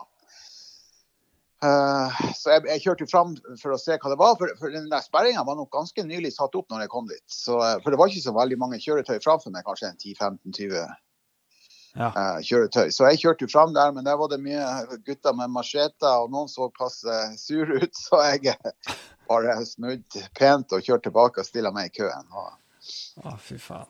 og eh, ja, den eh, køen der, den, eh, det her det varte og rakk, det, vet du. Det her var, var ikke noe by, det var jo bare et lite veikryss med noen få hus, vet du, oppi fjellene. Og eh, det kom jo rutebusser, passasjerbusser, så det var jo masse folk. Og det var jo bare en, kafé, en eller to sånne små kafeer og restauranter på det stedet. vet du. De. Og den ene kafeen han ble de solgte ut alt. Jeg tror aldri, sikkert de aldri har hatt så god omsetning på den kafeen. De var helt tom for alt av drikke og mat og snacks der, vet du, til slutt. En bra businessidé, da. Bare hyre Ja, inn et par karer til jeg å lurer på om det var kanskje derfor de sperra veien. Ja, ja. Jeg fant aldri ut hvorfor de sperra den veien, egentlig. Nei. Nei, men det, Dette var jo sånn fire-fem-tida om ettermiddagen da jeg kom til den veisperringa. Men sånn i ett-halv to-tida på natta, da var gutta så fulle at da de, tok de ned veisperringa. Og så, og så åpna de veien igjen, så da fikk eh, folk komme videre. Så det var jo Men da er det ganske mørkt, eh, det er ganske mørkt ute da? Midt på natta der sånn? Ja ja, det, det var mørkt og svart, og du skal jo egentlig ikke kjøre Man blir jo ikke kjørt om natta, i hvert fall ikke i Mexico og sånne litt tvil, tvilsomme steder. Men hva faen slags alternativ hadde jeg? Gidder ikke å stå i den der eh, veikrysset der, så jeg hadde stått i åtte-ni timer allerede. Og, og jeg hadde jo booka et sted um, gjennom Airbnb-sted nede i Veracruz, og jeg hadde jo hatt kontakt med han ut, utleieren der. og ja. Han hadde jo stor, stor forståelse for det. Han sa du får bare komme når du kommer, og vi skal slippe deg inn og bla, bla, bla. Ja. Ja. Nei da, så jeg hadde vel bare en tre-fire timer igjen til Veracruz. Cruz. Og jeg stoppa på en bensinstasjon midt på natta og tok en lang pause. Ja. Jeg kjørte vel en time eller to, og så tok jeg en lang pause på en bensinstasjon og drakk kaffe og spiste noe mat. og ja, Så at jeg var framme i Veracruz i seks-halv syv-tida på morgenen. Så, ja. Man får bare Noen ganger må man improvisere litt når det, når det blir litt sånn Ja, ja. uventa situasjoner. ja. Men eh, for folk som skal kjøre i eh, Mellom- og Sør-Amerika, de må være forberedt på, på veisperringer. For det skjer rett som det der. Det er deres måte, lokalbefolkninga sin måte å protestere på. ja. I Bolivia der var det jo om noen rettigheter til, til mineralfunn eller noe sånt i et fylke. ja. Det var gjort noen rike mineralfunn i et fylke der, og da bestemte staten i Bolivia at eh, inntektene av det her skal gå til oss, til staten, ikke til det fylket, vet du. Så da ble de dritsure i Bolivia. Og det var Ah. skikkelig heftige protester i ukevis, det. Hmm. Ja, ja. Ja, nei, men jeg kom jo til Veracruz, og det er jo en, en, en, en, havneby. Velkjent havneby, og det er det den dag i dag. Og det var jo, var jo der en to-tre dager og kikka meg om. og Det var jo litt artig å se en, en aktiv havneby. Ja. Og det var jo også fine strender midt i byen der. og helt tatt en fin by. ja. Virkelig. Men uh, Så mm. Ja, bare kjør. det. Nei, jeg bare tenker på eh, En sånn eh, havneby Altså, er det, det, er, det er internasjonal skipsfart? Ja, ja. Absolutt. Veracruz er vel Mm. kanskje en av de aller største havnebyene, om ikke den største havnebyen Ja. i eh, Mexico, tror jeg. Ja. Mm. Um, ja. ja. Nei, for da, da har jeg jo vært på begge kystene av, av Mexico. Eh, For jeg hadde jo vært på den lille, mm, lille, lille landsbyen som heter Masonte, nede på eh, Stillehavskysten. Og så opp, opp til Oaxaca, som Ja. er midt inni, oppe i fjellene der, og så ned til Veracruz. Mm. Så da hadde jeg liksom eh, vært på begge kystene, følte jeg. ja. Og så for etterpå er han amerikaneren som jeg um, hadde motorsykkelen stående hos i Playa del Carmen, han tipsa meg jo videre rute gjennom Mexico. Og da var det jo mye av det som han kaller, eller som blir kalt for sølv, sølvbyene. Mm. opp gjennom. For hele innlandet i Mexico er jo ganske høyt over havet. Så, og alt, alt, mange av de byene der er det utvinna sølv og mineraler. Så fra Mexico City og oppover er det jo mange sånne byer med, med gruvedrift. San Luis Potosí, Zacatecas, eh, Durango Ja, det var veldig Guanajuato ja, jeg var jo i mange av de her byene. Men skal vi se, etter Veracruz så var jeg stoppa i en sånn liten by oppi, litt oppi fjellene, en sånn kaffeby, men jeg fant ikke noen kaffeplantasje. Nei, kaffeby uten kaffe, det er kjiperen. Det skulle være noen kaffeplantasjer der, men jeg fant ikke det. Men jeg hadde jo vært på kaffeplantasjeomvisning og bodd på en sånn kaffeplantasje i Colombia, så det hadde jeg for så vidt opplevd allerede. Mm. Men jeg dro til en stor by som heter Puebla, som ligger rett sørøst for Mexico City. Eh, veldig stor, fin by. Eh, og det var vel der, som jeg sa i går, eh, Volkswagen har hatt, eh, og fremdeles har fabrikk, kanskje. Ja. Og de produserte jo folkevogner. og sikkert andre eh, Volkswagen-modeller også. ja, det er ganske kult. der var det noe bil, bilmuseum. Jeg var på et skikkelig fint bilmuseum der og kikka på gamle biler. og ellers en veldig fin by med vanlige latin koloniby med brosteinsgate og gamle, fine kirker og alt mulig. Mm. Men uh, Puebla er en veldig fin by. Hmm. Og så fra Puebla så dro jeg ikke inn til Mexico City, for det var, er litt sånn vanskelig å komme seg inn dit. For ja, jeg fant aldri helt ut av de reglene, eller jeg husker ikke det helt nå. Men det er, utenlandske kjøretøy har bare lov å komme inn enkelte dager i uka, og du må kjøpe noen sånn avgift på forhånd og betale. Hvis ikke får du feit eh, får du veldig stor bot, risikerer du veldig stor bot. Og sånn. Så jeg, og det var, det hørtes, ja. Jeg hadde hoppa over noen av av hovedstadene i Sentral-Amerika, så jeg hoppa også over Mexico City. Ja. Men så var jeg et sted eh, rett nordøst for Mexico City med noen svære pyramider. Det er Teo, Teotihuacan. Mhm. Um, noen voldsomt svære pyramider. Jeg tror det er de største pyramidene i hele Sør- og i hele Mellom-Amerika. Ja. Ja, det var jo virkelig fantastisk. Det er jo gjort eh, Det er jo veldig godt å vare på, da. kan man si. Ja. men alle disse pyramidene, er de, er de bygd likt på en måte? Altså har de sånn eh, Nei, ikke helt likt, men Nei. eh, Nei? de har jo eh, En pyramide er jo en pyramide, da. Ja, ja, ja. Man, eh, man driver jo hele tida og mm, Jeg vet ikke om vi fikk med det i går, altså, men, men altså, pyramidene er jo liksom eh, ofte det man forbinder med pyramidene i Egypt og faraoene der nede. Men pyramider finner vi da tydeligvis i, eh, hele, rundt omkring i verden. og man, Ja man driver vel fortsatt og, og spekulerer i hvordan man har klart å bygge disse pyramidene, og hvordan man har klart å løfte disse steinene. Jeg vet ikke hvor store var disse i Mexico. Var det sånn Hadde de noe hadde de noen forklaring på hvordan de var bygd, eller vet du? Ja, godt spørsmål. Men nei, jeg kan ikke huske akkurat det. da, Men det, det, det er et veldig godt spørsmål. det der. Mm.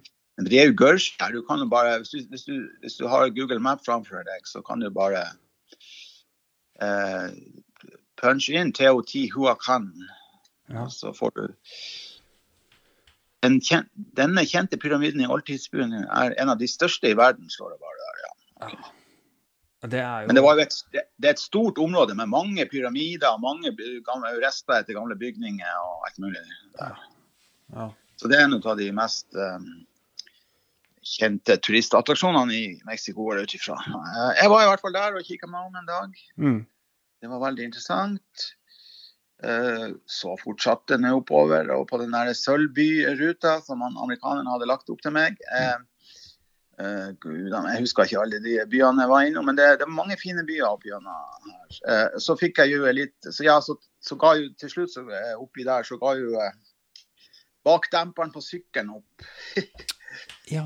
Så da måtte jeg klarte jeg ikke å finne Jeg måtte kjøre litt sørover igjen. Og det er jo rest, rett på vestsida av Mexico City til en by som heter Toluca. Der tror jeg var i ni-ti dager Ja. og fikk eh, fiksa den der eh, bakdemperen. ja, for da hadde du egentlig kommet ganske høyt opp, eh, skjønte Ja, jeg. Du var, var- veldig langt nord når den røyk, og så måtte du helt ned tilbake til Nei, nei, det var en, en, en, god dags Ok. reise. OK. 500-600 km. Ja. Nå bare bakfjæra. ja, fy faen. Jeg måtte bare ta det pent. Men det gikk, det gikk nå, det også. Nei, Så var jeg åtte-ni-ti dager der i tolv uker og fikk, um, fikk fiksa bakdemperen. Så fortsatte jeg jeg var vel i Guadalajara. Det er litt mot vest igjen. Mm. Det, og det, Guadalajara er vel den nest største byen i, i Mexico. Mm. Eh, der var vel en par dager, så fortsatte videre oppover Aquas, Calientes, Zacatecas. Veldig fine byer det her, vet du. Eh, Durango, kom så langt så til Durango. Uh, eh, og der eh, nord for Durango, der svikta jo mopeden igjen. Jeg fortalte jo det i går. Eh, og der var det skikkelig øde. Det, var skikkelig øde der. Ja.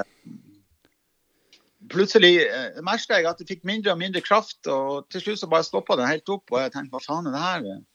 Men fri for strøm Jeg vet jeg var, jeg var i hvert fall jeg så, på, jeg så jo på GPS-en, jeg var fire-fem kilometer fra en by, og det var liksom nedoverbakke, så jeg bare trilla jo og døtta litt. og ja, En kilometer eller to før jeg kom til byen, så plutselig så fikk jeg strøm på motorsykkelen. Starta den, kjørte inn til den lille byen der. ja. Så etter noen motorsykkelforretning. Nei, jeg fant ikke noe sånn. Spurte etter det, så bare begynte jeg å Bare på måfå.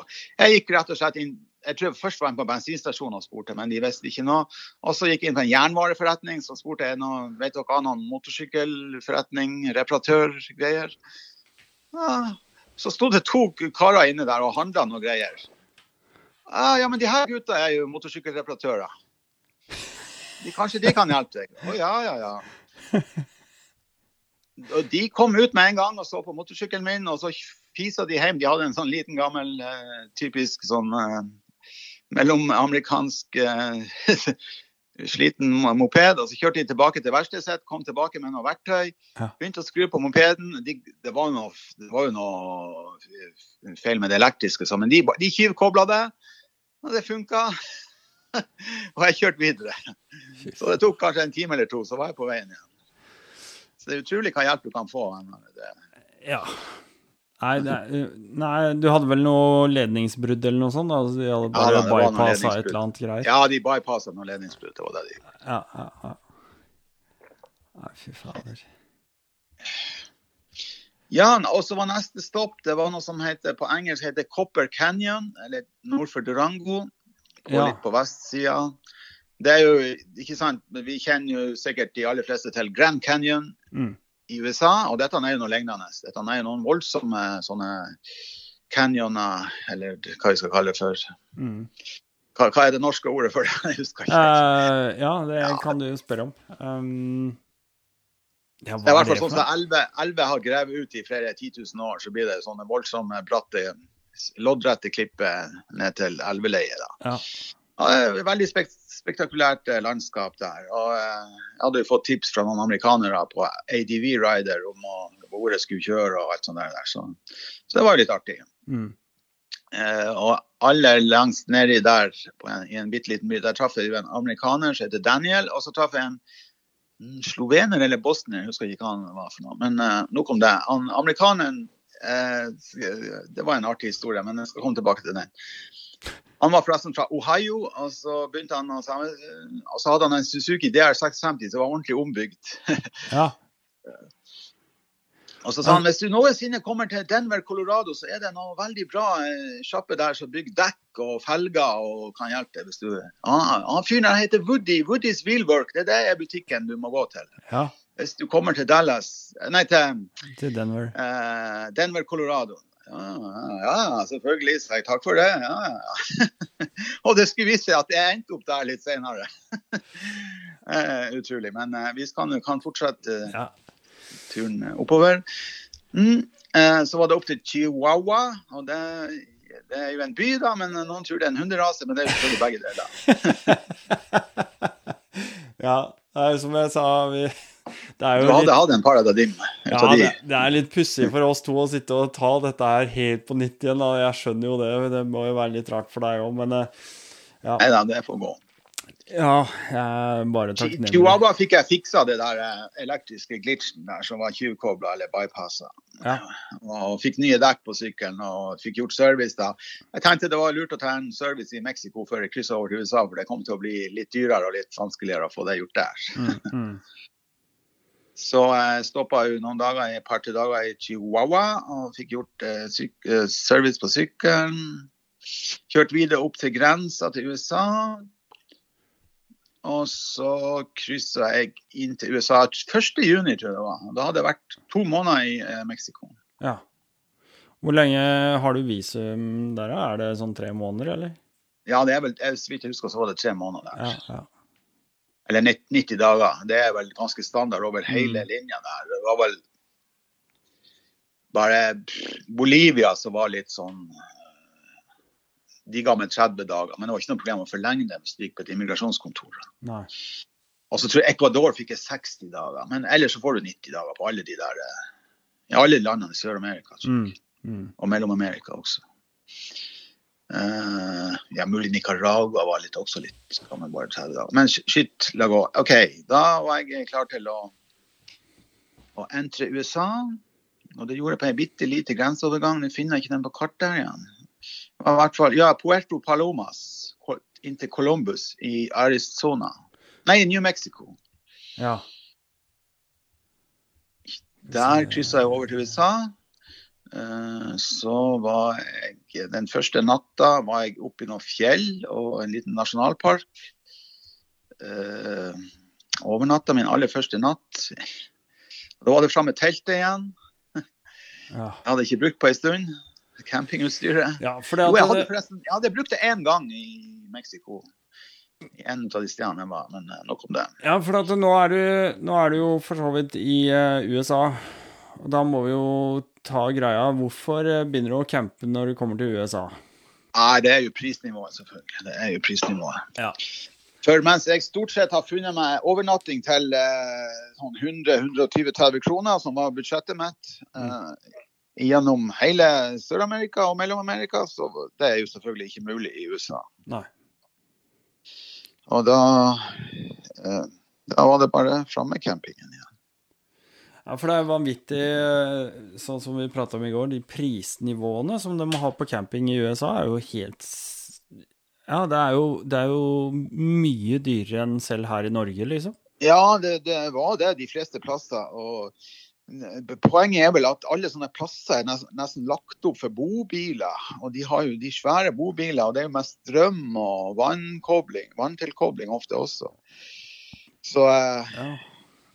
Men jeg betalte mange, flere ganger sånn rundt 40 dollar for å sette opp et lite tomannstelt. Mm. Det er mye penger, det, altså. Ja, det er Men det eh, det, det, det var også steder det var billigere. Det var et par steder jeg betalte bare 10-12 dollar også. Men, Mm. men så. Ja, nei, jeg var jo der. eh, Første natta oppe i noen fjell, eh, nasjonalpark. Neste dag kjørte jeg gjennom en nasjonalpark og så meg litt om seg et Petrified Forest National Park. Mm. Um, da er vi vel kommet inn til Arizona, og så kjørte jeg litt lenger opp. Og da kom jeg jo inn til uh, Og så kjørte jeg litt på den gamle Route 66 og tok noen bilder. Ja. Jeg stoppa i den eh, byen som heter Winslow. Standing on the corner of Winslow, Arizona. Take it easy. Ja, det er litt harry da, men jeg måtte jo bare dit og ta Ja. bilde. ja, du må jo det. Når man, når man passerer forbi der, så må man jo det. Åssen er det når du er på Rute 66? Kommer det mye sånne følger med svære horder av sykler som er på sånn guida tur og sånn. Nei, det jeg var så kort stund på den okay. der. eh, Nå er det jo ikke noe som heter Route 66 lenger. Det er jo egentlig, nå er det jo egentlig andre Ja. rutenummer på de veiene. Så, Ja. så det står bare Old Route 66 og sånn. Mm. Så, eh, I hvert fall der. Det er mulig det er noen andre steder langs Men, ja. Mm. Ja, nei da, Fra Vinslov så kjørte jeg bort til Flagstaff. Den byen heter Flagstaff. Det er vel kanskje utgangspunktet for å komme seg opp til, til uh, The Grand Canyon. ja.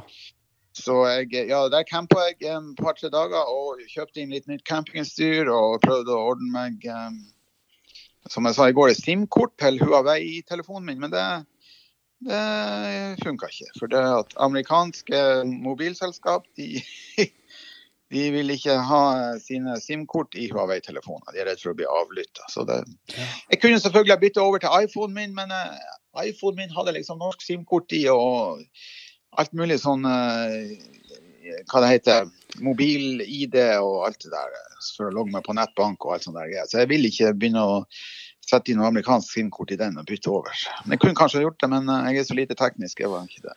Nei, det kan jo være et bra praktisk eh, tips, da, i hvert fall for noen Ja. som eh, måtte ønske det. Ikke komme med en eh, typisk sånn Huawei eller en annen type eh, telefon, kanskje, som ikke er Nei, jeg tror ikke du skal ha, ha noen Kina-laga telefoner Nei. der. Du må ha noe, Ja. noe laga et annet sted. Mm. Nei da, men eh, Telenor hadde jo heldigvis i ordning. Jeg kunne kjøpe, kjøpe Jeg kunne kjøpe data for ikke så altfor dyrt. Da. Ja, ja, ja, ja. Selvfølgelig. Så jeg brukte min norske iPhone og min norske SIM-kort videre. Ja, OK, jeg var et par-tre dager i Flagstaff. Prøvde å ordne opp i ting. Kjøpte inn litt mer campingutstyr og litt mat. Fylte opp koffertene og så dro opp til Grand Canyon. Og det er jo skikkelig flott. Det er jo det, altså. Mm. spektakulært landskap. Og jeg var en hel dag på, på sør, South Rim, altså sør 1. Og kikka meg om, og så campa jeg ute i villmarka der stykke derfra. Og jeg nevnte det i går. Når de, når de første coyotene begynte å hyle om natta, da ble jeg litt sånn der Hva faen er det her for noe som hyler så jævlig rundt teltet mitt? ah, Og du vet, det var, det var en på, som begynte på ei side, da svarer de som var på andre sida. Det var litt sånn passe ekkelt, men fant jeg ut det her må jo være coyote, og de er jo tross alt ikke farlige for mennesker. Er- Nei, men det, det er ulv. Det høres ut som ulv, liksom. Eller er det, Ja, sånn- ja, ja, det- det er sånn altså, jeg har aldri hørt hyl. ulvehyl Jeg snakker ikke om Ja, ja, det var kraftige hyl. Og, ja, Mm. så, ja, ja. Nei, det var den natta, og så var jeg kjørte på rundt. Du må kjøre ganske langt øh, vest, øh, vestover for å komme deg rundt. Og så var jeg øh, Neste dag var jeg og besøkte North Rim. Og det er jo mye mindre øh, turistifisert og minst like spektakulært. Ja. North Rim av Grand Canyon. Fantastisk å se. altså. Den kan jeg bare anbefale alle. Både South og North Rim. Eh, Men det går, vei, går veinett så du kan kjøre tvers igjennom eh, Grand Canyon, eller? Ja, nei, du må, som, som jeg sa, du må ganske langt vestover. OK. Mot Las Vegas igjen, liksom, og så for å kjøre opp nord igjen? Eh, jeg er helt nei, nei, unnskyld. nå? Sa jeg beklager, jeg sa feil. Østover. Østover. østover. Okay. Okay. Ja, du må østover et stykke. Mm. Ja, du kan sikkert kjøre vestover og så komme rundt der også, men eh, det, det mest naturlige var å kjøre eh, østover. Okay.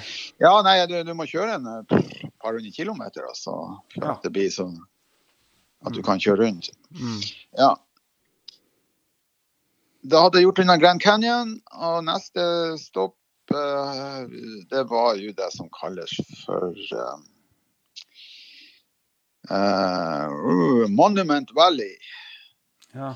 De, det er der man ser alle de der um, og de klassiske westernbildene fra USA. De der røde, firkantige klippene i Mm. solnedgang. Mm. Uh, spektakulært landskap det der også. Sånn eh, helt- Lucky Luke-landskapet? Ja, nemlig. Eh, eh, John Wayne hadde spilla inn masse westernfilmer der han har egen hytte Oh, ja. oppi John Wayne-hytta.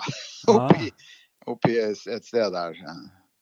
Så nei, det var, det var utrolig kult. Eh, Monument Valley, det, dit må man dra se hvis man er i området. Og så hadde jeg fått tips av amerikanere videre oppover der. Eh, Det er masse flott landskap og nasjonalparker og fjell og videre der. Så jeg kjørte jo litt videre nordover der.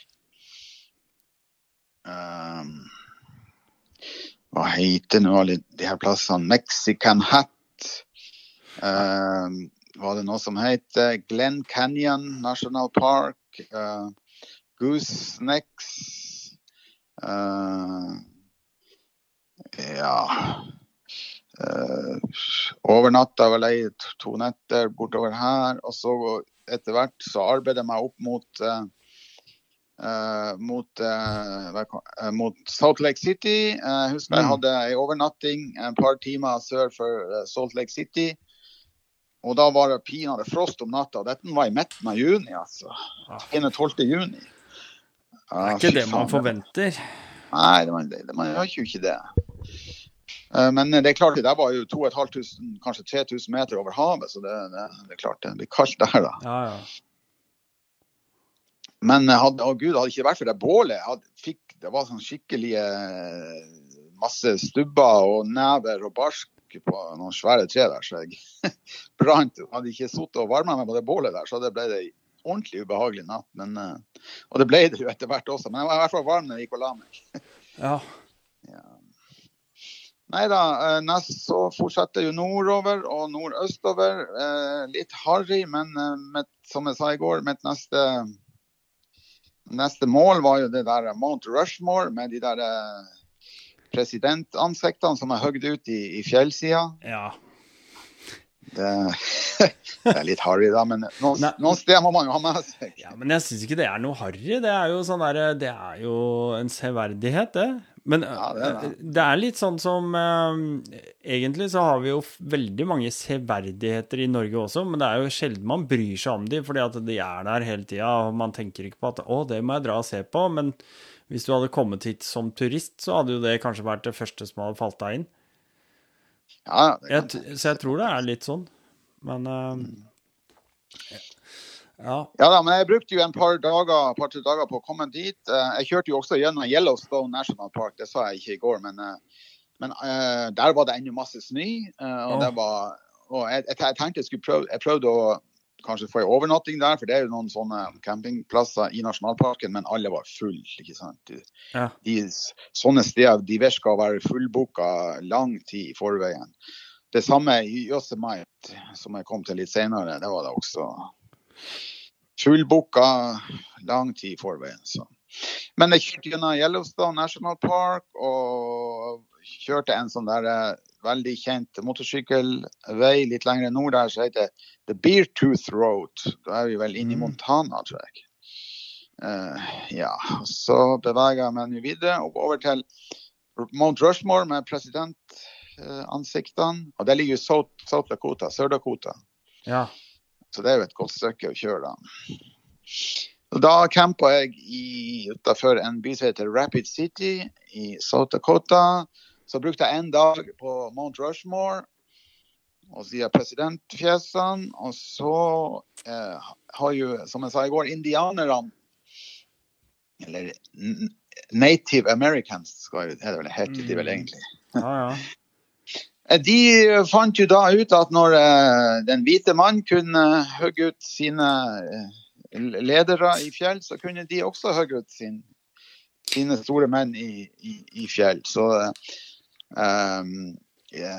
den, den lederen som heter Crazy Horse, eller som ble kalt for det, da, han eh, var jo en reell person og en stor leder for sine folk i, på slutten av 1800-tallet. Så det, det, de har bestemt seg for å hogge ut han, og det er jo en voldsom statue. Den er jo påbegynt for 30-40 år siden i hvert fall. Og den er på langt nær ferdig ennå. For det skal være en statue av, av Crazy Horse Mm. eh, han på en hest, eller riende på en hest. Så de skal ha med hele dritten med hesten Ja, og de skal ha med hele greia. Og de har, som, sagt, som jeg sa, de har holdt på i 30-40 år allerede, og de er på langt nær ferdig. Så dette er et voldsomt prosjekt, og det blir mye større enn de der presidentfjesene.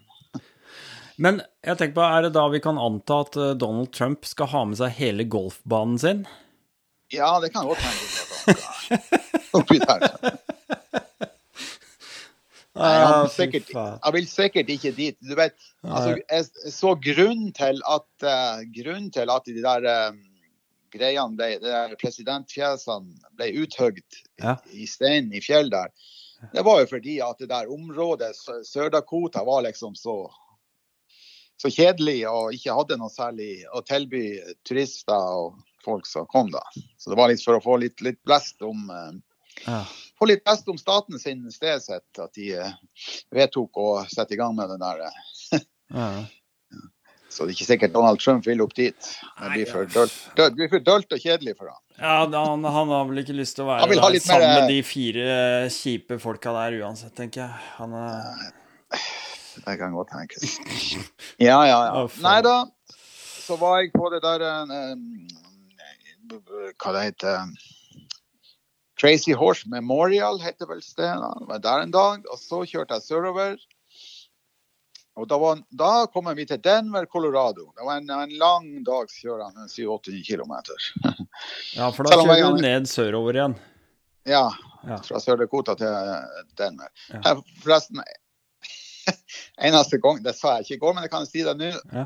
Eneste gangen jeg ble stoppa av politiet i USA, det var på den, den turen der. Sier du det? Ja, jeg kjørte for fort. Jeg fikk, eh, jeg fikk advarsel. Ja.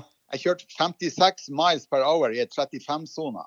okay. Nei, det var, så, det var så rart. Plutselig kom jeg kjørende på en vei, det var 60 miles per hour. Mm. eh, speed limit, og det er jo 96 km i timen. Og plutselig sto det National Park 35, km, eh, 35 miles per hour speed limit. Mm. Jeg tenkte, hva faen er det her? Jeg er plutselig inne i en nasjonalpark. Og, det. Og veien fortsetter. Det var en kjempefin, eh, slett og fin og brei vei og oversiktlig. Og, men så så jeg at litt lenger framme, der begynte jeg å gå inn i noen sånne fjellknauser og litt svingete og sånn. Tenkte jeg, ok, jeg, Og så var det lang nedoverbakke, så tenkte jeg jeg holder nå litt fart nedover her. Så bremser jeg ned når jeg kommer til den fjellknausa nede i, ned i lia der. Det var nå ennå noen kanskje 400-500 meter ned i lia der. Ja. Men tror du faen ikke det kom en, en sivil politibil imot? Og Mm. de har jo radar, så de fanga meg inn. Nei. Og eh, de snudde snudd rundt og kom etter meg, og jeg tok en stund før jeg skjønte det. Der. men eh, så De var litt sur for at jeg ikke stoppa med en gang, da, men jeg stoppa jo til slutt. Da. Det gjorde jeg jo. Ja. Og, eh, nei, jeg måtte jo bare være veldig ydmyk og si at beklager så mye. Jeg kjørte for fort, jeg innrømmer det. Jeg har ingen unnskyldning. Beklager så mye, folkens. Ja, De diskuterte litt seg imellom. Jeg tror de snakka med en overordna på telefon også. Okay, okay. Ja, så kom de tilbake med, med advarsel. da. Så sa de, sa de bare at eh, vi i Sør-Dakota vi vi er hyggelige, men eh, ikke gjør det i en annen stat, for da, da får du problemer. Da er du ferdig, ja. Det var jo så rart. Herregud, du, du, du kjører på en vei Ja. med 60 miles per hour, og så plutselig er det 35, så er det nasjonalpark. og det er liksom, hæ? Det var liksom ikke noe... ja. Og veien var like fin og brei og slett og Ah. Men, men. Nei, men eh, jeg var jo litt heldig der, tross alt, at jeg ikke fikk ei saftig bot. Ja. ja. Jeg tror, jeg tror vi har vært inne på det å legge seg flat med en gang og bare si at Ja, det, jeg gjorde det. det er jo ikke noe vits, vits i det der. Begynne å krangle eller være stor i kjeften eller Nei, ha noen dårlige unnskyldninger. Det. det er ikke noe særlig. Nei, nok om det. Langt om lenge, sent utpå kvelden, så kom jeg til Denver, Colorado. Der, der, var en, eh, der hadde jeg en kontakt, vet du. En, en, som jeg sa, han var eh, egentlig halvt indoneser og, halvt nederlender, men da, han var jo født og oppvokst i USA, da, så han var amerikansk statsborger. Ja. Men det var en motorsykkelkjører, og han, det var han som hadde tipsa meg om stedene nede i, Grand, eh, nede i Copper Canyon i Mexico. Han hadde vært der og kjørt Mm. flere ganger. Så Josh heter han vel. Um, eh, nei, Jeff heter han Franken. Jeff, ja. Så kom jeg dit til Denver, Colorado, og da hadde bakdekket mitt, eh, baknav, det hadde begynt å gjøre, gjøre stygge lyder de siste dagene. Mm.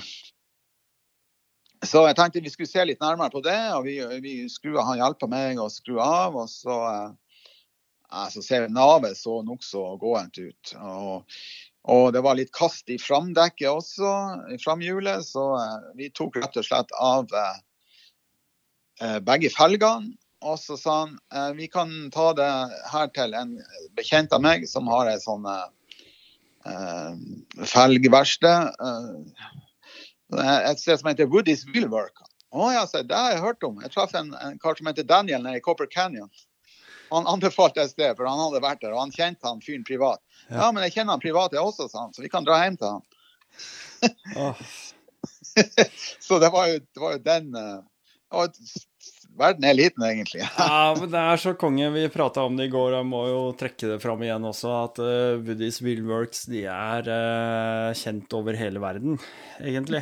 Uh, jeg vet at uh, Woodies Willworks lager jo felger på bestilling for uh, Ja, folk, som- folk som kjører Baia og Dakar og alt mulig Mm, rart. nemlig, Altså, nemlig. de er helt rå på felg, liksom. Det er sånn eh, det, er, det er der du har lyst til å bestille felgen din. ja. Så å bare havne og plumpe uti det på den måten, og kunne dra, dra hjem til dem privat, det tror Ja, jeg er først- en eh, tøff, eh, morsom opplevelse. Først dro vi på verkstedet og leverte de der felgene, og de så på de, og de skulle gjøre så godt de kunne. Og så, så spurte han etter sjefen, men han, han eh, var jo han der Woody sjøl. Ja. Som, er, han hadde vært gjennom en hjerteoperasjon, vet du, så han var litt sånn rekonvalesentperiode da. Så han var ikke det. Ja. Eh, Men dagen etterpå dro vi hjem til han, eller kanskje var det to dager etterpå. Da dro vi hjem til han Woody og fikk servering og omvisning. og Han har mye rart på, på, på loftet og i kjelleren. Ja. Ja, motorsykler og greier og greier. Så det var jo utrolig. Så jeg skal hilse fra Daniel. Ah, ja, kjenner jo han? Ja, ja, ja. Jeg traff han her i Cobber Canyon i Mexico. Ah, så kult, da. Og så da, når jeg skulle da hente de felgene en dag eller to etterpå der igjen, så da, det var den framfelgen den var helt ødelagt. Så jeg fikk helt ny felg der. Og bak eh, navet på den eh, bakfelgen, det var, det var jo det hadde de reparert så godt de kunne. Og det, jeg fikk jo det til kostpris, det her. Det var jo, nær, det var jo utrolig billig. Så ja. det kunne nærmest ikke vært for annet enn kostpris. Jeg fikk en, en sånn T-skjorte med Woodies Wheelwork på, og jeg fikk eh, signere Wall of Fame der. Ja, ja. Ja, de tok bilde av det og la det ut på sidene sine. Ja, det var kult. Det var kjempekult. ja, det er kult. Det er Ja, så det var skikkelig artig. Jeg fikk ikke sett noe særlig av Denver, da, men Men er greit nok, jeg fikk jo noen artige opplevelser der. Ja. Og så, eh, ja, så var det neste Jeg var vel der i fire-fem dager til sammen.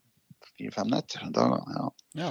Og da bodde jeg jo endelig i hus igjen. Det var jo litt hyggelig å få bo i et hus. Hus med varme og god Og i seng og istedenfor det. Ja. Ja, ja, ja. Fy fader. Nok om det. Han der er Jeff, han eh, som jeg bodde hos, han eh, pakka motorsykkelen sin, så vi dro ut i lag. og Han kjørte i lag med meg eh, noen timer, og vi campa i lag den første natta. Og så dro han tilbake til Denver neste dag, og jeg fortsatte. Da var mitt neste mål eh, faktisk å komme meg helt bort eh, til eh, Death Valley. Ja. Og det ligger jo i Sør-California. Så det var jo et godt stykke. Mm. Da hadde vi gjort en god runde. Men den dagen der, altså, det ble en forferdelig dag. For at uh, vi kjørte i Colorado, det er jo også høyt over havet, akkurat som Utah. Eh, og det var skikkelig dårlig vær. Jeg kjørte gjennom tre-fire haglbyger, kjørte over fjellpass der det lå snø og hagl på veien. Jeg måtte kjøre skikkelig forsiktig og manøvrere gjennom noen centimeter med hagl ja. og smelta litt på veien. Nei, det var en, jeg var helt på å fryse i hjel den dagen. Så den dagen var en av, de, en av to dager jeg tok inn på hotell. Når jeg kom ned, endelig ned, litt ned igjen og ned til en liten by. da. Og da betalte jeg 95 dollar for et slitent motellrom. Så der er nå prisene. Å, fy faen. Det er så dyrt at det er helt skam, vet du. Det var riktignok to-tre senger. Det var et stort rom, da, så det kunne sikkert overnatte fire-fem stykker der. Men eh, eh, vel, vel. Jo, men du blir litt sånn sjokkert av de prisene de har der borte. Ja. altså, jeg tenker at eh, jeg, jeg også har eh, opplevd å komme, men da, da kan du leie en svær hytte på en måte, med plass til hele familien, og du har liksom alt innabords eh, på en måte til ja, alt fra 800 til kanskje opp i 1200 kroner. Men det er type høysesong, og, og liksom Da har du flaks, men eh, Altså, jeg så jo steder som, som aventerte med rom fra 50-60 dollar og oppover. Men, Ja. jeg, og jeg var inne og spurte, men nei da. De, de billigste rommene var jo selvfølgelig ja, ja, De var jo booka allerede, så det, er jo- ja, ja. Da var det sånn 80-90 dollar. Det var det, var, det, var, det var, var standardpris. Mm. Så Så langt som jeg kunne finne ut. 80-90 dollar for et, eh, for et motellrom. Ja. Det, det, var, det var standardpris rundt omkring. I hvert fall de stedene jeg sjekka. Ja. Mm. Jeg så, så aventert fra jeg tror kanskje jeg så 45 dollar. 50-60 dollar. Det var liksom det billigste. Så. Men som sagt, sånne steder var som regel booka ut lang tid i forveien. Ja. Det var min erfaring, da. Men Ja. Er jo ikke dødskjent i USA. Da. Og det, dette var jo, ja, det var jo de vest, vestlige statene. Da. Så Mm. Mm. det kan hende billigere andre steder. Ja, men eh, jeg kjørte nå videre. Kom jo etter hvert Ja, jeg kjørte jo gjennom, som jeg sa i går, eh, Las Vegas på et, tidlig ettermiddag. Mm. Eh, Som du sa, det har sikkert vært kulere å, komme der i, når det var begynt å bli litt mørkt om kvelden. Ja, lysene. Tenk meg å bare komme om cruisende innover en sånn highway eller et eller annet sted fra utsida der i den der golde ørkenlandskapet, og så bare se lyset opp på himmelen. Det hadde vært så fantastisk kult, tenker jeg. Men eh, Ja. jeg tror ikke det er et sted som man eh, Nei, det skal ikke jeg uttale meg om. Jeg bare tenker at det er sikkert fullt kaos der hvis du kommer på et eller annet tidspunkt hvor eh, festen er godt i gang. Men uh, der har vel egentlig festen aldri slutta, antagelig. Så Nei, den, den pågår sikkert hele tida. ja. Ja. Ja, nok om det. Nei, men altså, jeg skulle Neste stopp for meg var Death Valley. Så det var om å finne seg et sted og, um, og overnatte i nærheten av Death Valley. Mm. Og eh, jeg nevnte jo det der Bunk, Bunk a Biker-sted. altså Ja. i går, det, det er jo sånn, det begynte vel sikkert i USA. Da. Det er motorsyklister som tilbyr et rom eller et, eh, en sofa Mm. eller eh, Mm. et sted å et, en plan å slå opp et telt på. For, eh, for, og det er jo kommet til Norge også nå i det senere. ja, det har det, altså. Det har det. Uh, og jeg hadde jo vært, jeg fått tips om det, da. Og jeg hadde jo sendt ut følere flere plasser, men det hadde aldri klaffa. Nei, jeg er borte den helga, og, Ja, ja. og noen svarer ikke. Og så. Men eh, i nærheten av Death Valley var det jaggu en fyr som svarte meg. Og han bodde i en bitte liten by som heter Parump. Ja. Og det var ca. 80-90 km fra Death Valley, så det tenkte jeg det slår jeg til på. ja. Og eh, det var jo veldig hyggelig. Han hadde, det var en fyr som hadde bygd det var I bakenden av garasjen sin hadde han bygd et rom, og der var det både aircondition og kjøleskap. og og ei mjuk og god seng, og en veldig hyggelig fyr. Han var sånn erkerepublikaner, da. ja. Begynte å, begynte å snakke litt om våpen og sånn. Ja, ja. Og han var veldig interessert i hvordan å, å, å kjøre motorsykkel ned gjennom Mellom-Amerika og Sør-Amerika, om han kunne ha med seg våpen. Så jeg, nei, jeg tror det kanskje kan være litt vanskelig. Ja, da skulle ikke han dit, altså. For han og kjerringa, de var vi carry weapons. Så det var en sånn erske Men han var veldig hyggelig og gjestfri fyr, da, så jeg skal ikke klage på det. Vel, jeg bodde hos han i Perump, og så kjørte jeg en hel dag rundt omkring i Death Valley. Det var jo ganske Det er et spesielt sted. Mm. Um, det er vel det lavest liggende sted i, i hvert fall i hele Amerika. Er Kanskje ikke i hele verden, men i hvert fall hele Amerika. Vet du hvor Eh, dypt det er eh, i forhold til havnivå? Ja, det, det, jeg har tatt bilder av det stedet, der, for det, det er merka i, i fjellsida oppi der. altså Det aller laveste stedet. Men jeg mener det er 60-70-70-80 meter under havet. Ja, Under, ja. det er ganske spesielt. Eh, Mm, og der var det skikkelig varmt. For jeg var jo først på et sånt visitor center, som de alltid har på de stedene der. Mm. Men det var et hyggelig sted med mye informasjon og sånn. eh. Og der var det altså et, et sånn utvendig termometer som du så, og da var det altså 119 grader Fahrenheit. Jeg tror det, jeg tror det blir en 8-49 grader. Ja, jeg tippa rundt 50, så ja, du er nok inne. Men eh, når, vi, når jeg kjørte lenger inn i dalen der og kom til det aller lavestliggende stedet, hvor de har merka liksom, eh, ja, hav, havflatenivået Ja. langt oppe i fjellet, der var det varmere. altså. Du kjente at det var varmere der. altså. Mm. Så, Der eh, står vel egentlig, når, når sola først titter oppi der, så står sola og vegga rundt og bare kaster varmen fram og tilbake ned der, antakelig. ja, det er sikkert noen sånne refleksjonsgreier. Ja, altså. så kommer liksom ikke noe vind uh... Nei, det var lite vind der. Ja, ja. Blir sånn stillestående. Ja. Så eh, ja, men det var litt artig plass å besøke, da. Var på, på bucketlista mi, Mm. for å bruke litt engelske uttrykk. Ja, Og etter å ha vært der, så, dro, så var neste sted på bucketlista mi det var altså uh, The Joshua Tree National Park. Og det ligger jo litt lenger sør, i California. mm. Så det var en dagstur ned dit, og så var der. Og da, der bodde jeg på en fin campingplass utafor. Der også var det jo Det er campingplasser inne i nasjonalparker, men de var utbooka, som, Mm. som det tydeligvis er i USA, da. ja. Men jeg bodde rett utafor en, en Det var en veldig fin, fint sted, da. Uh, stjerneklart du kunne ligge og se på stjernene der om kvelden og natta. Mm. Skikkelig stjerneklart, altså. Eh, og så var jeg jo en dag og surra rundt i nasjonalparken, og de sier jo det som er ørken, da, men det er jo utrolig hvor mye dyr og sånne greier du ser her. Mm.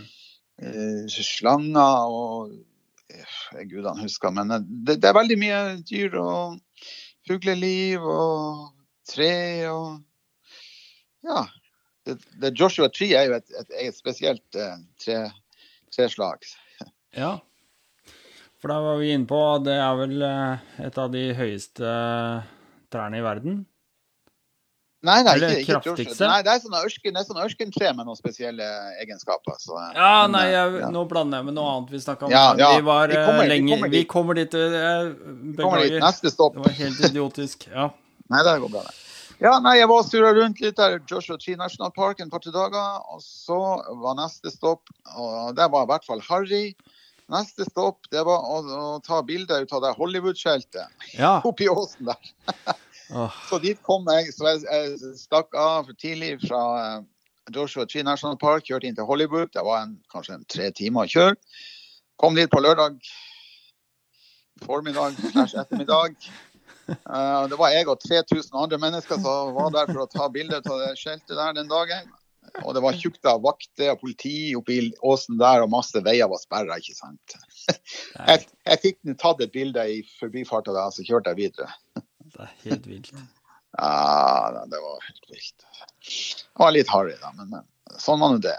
Nei da, så hadde jeg jo fått eh, videre tips om steder å dra av en annen hyggelig amerikaner som bodde litt lenger oppe i California. Jeg, eh, jeg overnatta hos han faktisk litt senere. Mhm. Eh, Men han tipsa meg om å dra i, innom Sequoia, Sequoia National Forest Mm. og Kings Canyon og videre oppover uh, Yosemite, eh, Yosemite National Park. Eh, og i Sequoia er jo der vokste det noen fryktelig svære trær. Så jeg tror det må være bortimot verdens største, høyeste og bredeste tre. Altså. De var helt enorme. Det var det jeg tenkte på i stad. Ja. Det var, eh, og det er jo liksom litt inn, inn i landet, California, nesten på grensa opp til Nevada igjen. da. Mm. Ja, så jeg overnatta der en par ganger. der. Jeg var innom Yosemite. Eh, Der var det jo veldig fullt. Og jeg prøvde å få meg overnatting der også, bare for å se meg om. Jeg var skikkelig, skikkelig spesielt eh, sted. Flott sted med loddrette klipper og fossefall og Mm. sånn. Så hvis folk eh, vil dra dit, så anbefaler jeg det. Men eh, det er sikkert lurt å booke noe i god tid. Mm. Mm. Ja, og så kom jeg da, etter en par-tre dager, kom jeg til en liten by som ligger litt innenfor San Francisco. Den byen heter Lodi, eller Lodi på norsk. Da. Ja. på norsk. Lodi. Der bodde han der Doke, en annen amerikaner som hadde tipsa meg om steder å dra på. Og han åpna hjemmet sitt og var en hyggelig fyr. Han var vel rundt 70 år. Han hadde også vært eh, kjørt Sør-Amerika på langs med motorsykkel, så vi hadde litt forskjellig å snakke om. Ja. Veldig hyggelig kar, og der fikk jeg jo på nytt sove i seng igjen. Det var ikke verst. Så jeg ble vel tre netter der hos han, to dager. Vi var En dag kjørte vi inn til San Francisco og så oss om der. Mm. Eh, Det er jo en fantastisk by. Jeg skulle gjerne ha vært der litt lenger, men eh, sånn er det nå. Fikk du kjørt de eh, berømte, bratte gatene i byen der? Ja, ja, ja. Vi kjørte der med bilen hans. Å, kult. Eh, og den andre dagen så kjørte vi opp i fjellene der. Der er det, der er det noen sånn vingårder. Mm. Rundt i Napa-området, litt nord og sånn, eller? Jeg hus- jeg husker Ja, det er nå Nord for San Francisco, der tror jeg mye Ja, det var et par-tre timer. Ja, det blir selvfølgelig Vi kjørte et par-tre timer fra Lowdye og innover, oppover litt i fjellene der. mm, mm. Lake Tahoe og nærheten av der. Og der var vi og kikka oss om en dag, og så Ja. Det var, jeg var vel der tre netter og to dager, tror jeg. Eller var det fire netter? To-tre dager. Ja, nok om det. Jeg kjørte nå videre nordover etter hvert. Eh, ut til, eh, til kysten av California. Den der eh, rute 1 som går langs kysten. Mhm. Den er jo ganske, ganske kjent. Uh, Fulgte den så langt jeg kunne nordover. Går, går etter hvert over i rute 101. Eh, neste mål for, for meg var en liten by på Oregon-kysten som heter Newport. Ja. For der hadde noen, noen kjentfolk som jeg hadde truffet i Sør-Amerika, et, et amerikansk par. eh, Keith og Jalene, som jeg traff og kjørte i lag med i, lite grann eh, i eh, Chile og Argentina. Så jeg brukte vel en to-tre dager på å komme meg fra Loda i California opp til eh, Newport, Oregon. Uh, og det er jo en sånn lite, liten fiskerby, kystvaktby Mm. Oregon-kysten. Og der fikk jeg jo Der hadde jeg jo igjen ei seng å sove i, det, det må man ta med. ja. Veldig hyggelige folk, Keith og Jalene i Newport. Så der var jeg noen dager, og kikka meg om. Tre-fire dager. Så kjørte jeg og så via etter der så var mitt neste mål å komme over i Canada og delta på det um, treffet til Horizons Unlimited-stifterne. Ja. Eh, det er jo De fleste kjenner vel Horizons Unlimited. Eller i hvert fall som ikke gjør det, så er det det største forumet for overlandere. Motorsykkel-overlandere. Det er vel det største forumet for de.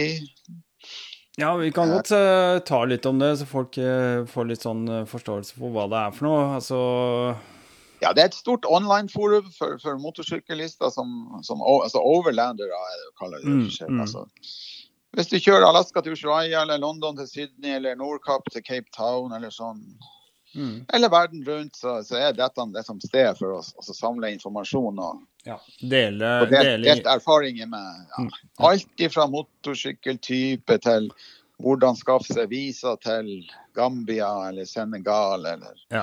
hvilken grenseovergang er lettest mellom Nicaragua og Honduras. Ikke sant? Mm. Sånne ting. Så det er jo et eh, kanadisk ektepar som starta det her. Eh, de gjorde vel en sånn kjempetur, runde, for, eh, på slutten av 80-tallet, begynnelsen av 90-tallet. Ja. Og så når de kom hjem til Canada, så starta de dette forumet. Mm. Og det har etter hvert eh, grodd til å bli et svært eh, verdensomspennende forum. Og det er jo også møter og treff rundt omkring i hele verden nå. Jeg hadde vært på to møter tidligere på den turen min. Ett i Chiang Mai i Thailand, Nord-Thailand, og så ett i, på Atlanterhavkysten av Sør-Argentina. Så jeg har allerede deltatt på to sånne møter, men dette er jo hovedmøtet deres til, Ja. ja. til Canada. Og eh, det er folk her som bor i Canada, og dette ligger på en liten by som heter Nakusp Mm. i, i, British Columbia, bare rett over grensa nesten fra USA, fra Washington State i USA. Ja. Så jeg eh, humpa meg over der fra Newport opp dit. Jeg brukte vel en tre dager på å komme dit. Eh, og så deltok jeg på det der Horizons Unlimited-møtet. Det varte vel i tre-fire dager. Mm.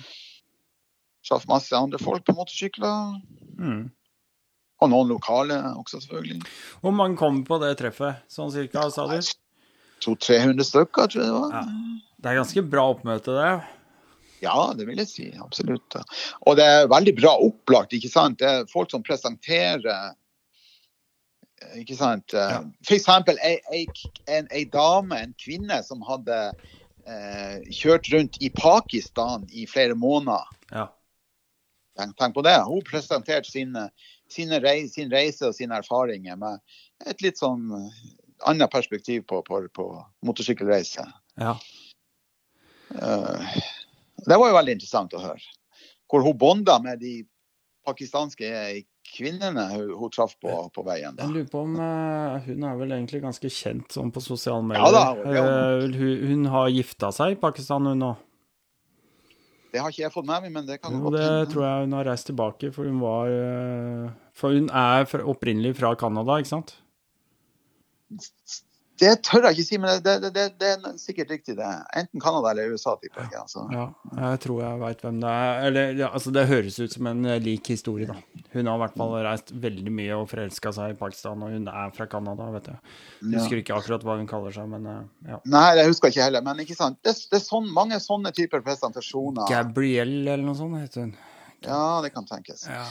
Ikke sant? Og hun hadde en litt sånn, der, eh, sånn poetisk vri på det her hele. Og en lang, lang presentasjon. og uh, det var folk som presenterte sine motorsykkelreiser i, i, litt sånn uh, uvanlige steder. Det var, en, en, det var et par som hadde reist gjennom Afrika, som presenterte det. Det er jo ikke så uvanlig da, men allikevel. Eh, en som hadde kjørt masse i Japan, presenterte sin reise der. Ja.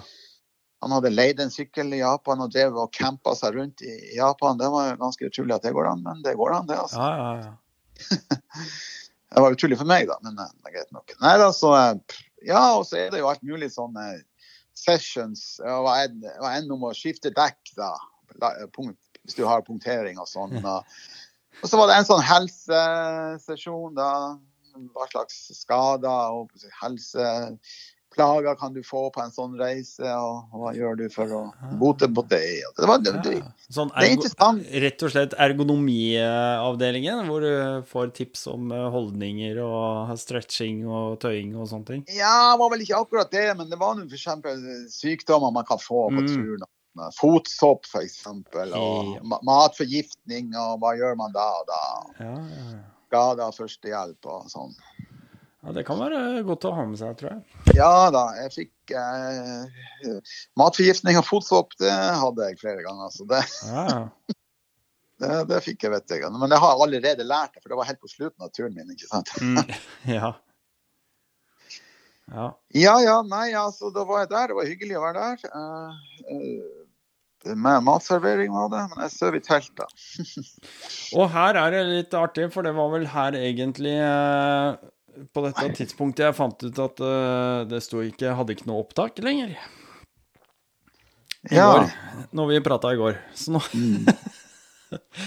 Jeg må bare takke deg ytterst en gang til altså, for at du har giddet det. Og nå har vi gått gjennom den historien én gang til, bare for lytteren, og det Ja. Det, Tekniske feil eh, henter jeg ofte på turen min, så det får vi ta med at det kan hende med, med sånn. Ja, men det er, så, det er noe Når det går utover en selv, så er det liksom ikke så farlig. Da får man bare bite, øh, bite sammen og ta det som det er. Men øh, når det går på bekostning av andre, det er da det føles ekstra jævlig. Det er da det føles jævlig. Nei da, men det, det går bra. Skal, nå kan vi ta den siste delen, som er Canada og Alaska. Ja, ja, ja. Nei, bare for å summere opp USA, da. Jeg var jo seks uker i the lower 48. Da. Det er selvfølgelig altfor lite, da, men uh, det er det det er, da. Jeg begynte jo å få litt dårlig tid. Jeg skulle jo Jeg hadde jo to mål til på turen. Mm. Det var jo å komme opp til eh, Nordishavet, både i Alaska og i Canada. Mm. Eh, og det klarte jeg jo etter hvert. Jeg starta jo fra, der, fra Nakusp i sør i British Columbia. Mm. Kjørte rett nordover. Gjorde en liten Overnatta noen ganger underveis. Og så gjorde jeg en liten dipp ned. Det, skulle, det var en sånn kul plass eh, akkurat der så Alaska går ned på kysten av det som egentlig ser ut til å være British Columbia, hvis du ikke ser nøye. Mm. Eh, skal vi se om jeg klarer å finne det. Det heter Haider. Det er en sånn grenseovergang, men det er liksom blind ending. Du kommer ikke noe videre inn i Er, det, er det langt sør eller nord på kysten? Nei da, det er jo, ganske, det ganske langt nord, da. Skal vi se, jeg må prøve å finne det her. Uh, det er nemlig et sånt sted uh, der laksen går opp i elva, og bjørn kommer og fanger den. Aha, ok. Eh, Stuart og Hyder heter de. Stuart heter det på Canada-sida av grensa, og Ja. Hyder heter det på andre sida. Okay. Det er en sånn liten avstikker på en par timer fra den der um, hovedveien oppover nordover der. Ja. Hvis du finner et sted som heter Stuart, Mesidian Junction, der tok jeg av fra hovedveien og så kjørte jeg ned der. Aha. Der gjorde jeg en stopp, eh, og så er det jo også eh, noen sånne spektakulære isbreer der, hvis du kjører litt videre inn der. Uh, og der fikk jeg jo smake på uh, litt sånn dårlig vær. Det ble noe forferdelig regn med. Så jeg lå tre dager i telt der, og det bare bøtta ned med regn. Den siste dagen da tenkte jeg nå får det bære eller briste. Nå får det bære, kan ikke stå fast her i regn lenger. Så da pakka jeg bare sammen alt jeg hadde, teltet og sykkelen, og så kjørte jeg inn der. Jeg kryssa inn til eh, den lille blindveien inni i Alaska der og kikka meg om. Det var litt for tidlig for den bjørnen. De, de, de folkene der, det er jo et sånt sted du må betale en ti dollar for å komme inn på. da. Ja. Og så er det jo laga sånne boardwalks, sånne tre ganger der du kan gå og se. Uh, de sa de har akkurat sett de første laksene gå opp, men de har ikke sett noen bjørn ennå. Så egentlig så var jeg en par-tre uker for tidlig til å se Mm. den bjørnene som fanga laksen der. Men jeg kjørte nå litt videre inn og så noen isbreer der, og kjørte tilbake. Og fortsatte nordover, og kom jo et, etter noen to-tre dager så kom jeg opp til et, en liten artig by som heter Dawson City i Yukon Territory. Ja. Men er da vi er jo- Ja, for da er vi, da er vi fortsatt på Canada-sida. Da er vi eh, fortsatt i Canada, i Mm. Yukon Territory. Uh, Mm. og Dawson City er, var jo uh, Ja. Utgangspunktet for The Great Gold Rush. Riktig. Så det er jo en sånn skikkelig westernby. altså Det ser jo ut som en westernby, som du forestiller en westernby. Men selvfølgelig, de har jo Nå for tida er det jo en turistby, da. Ja. Så eh, der, det var jo litt kult å besøke den byen. Og så hadde jeg jo også snakka litt med noen tre New Zealander-gutter, Kiwia som de kaller seg for. Mm. Uh, for å kjøre opp de her lange veiene opp til uh, Det er jo litt øde og litt sånn kanskje litt risky og litt sånn der, der. Så jeg hadde avtalt at jeg skulle kjøre sammen med de guttene. Mm. De, og det var veldig hyggelige folk, de, spesielt når de hørte at jeg hadde vært på New Zealand før å kjøre motorsykkel. Ja, det hjelper jo ikke litt velvilje. Nei, nei, det var hyggelige folk, alle sammen. Så vi starta fra Dawson City, eh, og så kjørte vi eh, jo helt opp til Nordishavet fra Dawson City. Det er tre dager å kjøre på kun grusvei. Ja. 900 og noe kilometer hver vei med grusvei. Vi se, det var vel 750-60 til Innevik. Og så Derfra var det ennå 140 ut til Tuktoyaktuk, heter det, endestasjonen på den veien der. Mm. Og den er nylig bygd. altså Den var vel bygd tre-fire år før vi var der. To-tre år. Ja. Det var bare sånn isvei der om vinteren. Tror den er ganske kjent nå. Det er mange som har kjørt der nå. Ja, det begynner selvfølgelig å ha vært folk som har kjørt den. Mm. Så vi kjørte jo eh, ikke sant, eh, Dawson City, Innuvik eller vi overnatta midt mellom, uh, midt mellom Midt mellom Dawson City og Innuvik, for det er jo 700 km dit og over det. Men uh, noe som heter Eagle Plane, der er det et, et hotell, bensinstasjon, campground. Der stopper vi, hadde ei overnatting. Det er det eneste plassen å få bensin, nesten. Og så litt lenger nord er det en par små bosetninger. Mm. Og det er litt artig, for jeg leste nylig den der boka til Lars Monsen der, på tvers. Ja, ja. Han, tvers. Han brukte jo nesten tre år på å krysse Alaska og Canada på tvers. Stemmer. Men, på, ja, han hadde vel pulk og hunder på vinteren da. Uh, og, og, han hadde jo vært innom noen av de her plassene. Han hadde vært innom Innuvik og en av de, en, en av de andre små bosetningsstedene der. Der hadde han vært innom på turen sin. Så. Mm. jeg kryssa sporene til Lars Monsen, da. Men uh, hvordan gjør du det? det? Her er det sinnssykt lange avstander. Du nevner én bensinstasjon. Uh, hvordan gjør du det i forhold til å planlegge bensin og sånt? Og Hvor mye har du med deg på en sånn tur, og hva, hva tenker du? Nei da, altså den Teneren hadde jo 23 liter tank. Mm. Hvis, så selv om uh, bensinforbruket hadde jo økt betraktelig på turen, da, men allikevel, kjørte du pent, så hadde jeg jo litt over en halvliter på mila, eller ja, noe sånt. Så jeg hadde jo eh, 450-500 km ja. kunne kjøre på den. Det lengste stykket tror jeg var, det var 370 km, så, så det var jo ganske safe, jeg, da. Ja. Pluss jeg hadde jo jeg hadde jo før turen ordna Jeg hadde jo to kanner med meg på tre liter. eller de var en 3,5 liter. og ene brukte til vann, og den andre brukte til bensin. Så jeg hadde jo med meg 3,5 liter bensin i tillegg. Så det, for meg var det ikke noe problem. Jeg hadde en, en sykkel med stor tanke, så det, mm. det gikk. Og lengste stykket var 370 km. Men det var veldig mange andre motorsyklister som også hadde bensinkanner, og som brukte dem på den turen. Mm. Mm. Ja, du kan si Det var jo grusvei, men det var stort sett veldig fin grusvei, så du, du kunne jo holde sånn passe fart. Ja. Men det var veldig fin bensinforbruksfart, for å si det sånn. Ja. 60, kanskje 80. Mm. Da bruker du ikke så mye bensin. Da. nei. Nei da, det var en kjempeopplevelse, må jeg få lov å si det. 900 km helt fram til Tuktoyaktuk fra Dawson City i skikkelig ødemark. Det er jo, som sagt, det var vel Bortsett fra den der eh, Eagle Plane hotell og campground, så var det vel bare to sånne landsbyer underveis, og de var nord for der. Og så er det to elve, svære elver du må krysse med ferge. da. Mm. Åssen eh, er det sånn manuell ferge som du må styre sjøl, eller? Med sånn line og sånn, eller er det sånn ordentlige ferger? Nei, det er ordentlige ferger som du finner på norskekysten. Ja, okay, ja. litt, litt, litt, mindre, da. Men, ja, ja. Mm. Så nei da, det var, det var kurant. Og de går nesten i ett, virker det som. Så ja. det var ikke, var, ikke noe, var ikke, noe, problem. Og de var gratis også. Oh, ja. Yes. Ja. Så det var jo artig. Men det var, det var en skikkelig fin opplevelse. Og akkurat da var vi kjempeheldige med været. Det var sol og midnattssol oppi der i Innuvik. Vi var der. Vi kjørte Vi brukte to dager fra Dåsen City til Innuvik. Så overnatta vi der. Så tok vi en dagstur fra Innuvik og opp til Tuktoyak-Tuk. Mm. Uh, og kjørte tilbake samme dagen. Uh, var sånn vi gjorde det. Mm.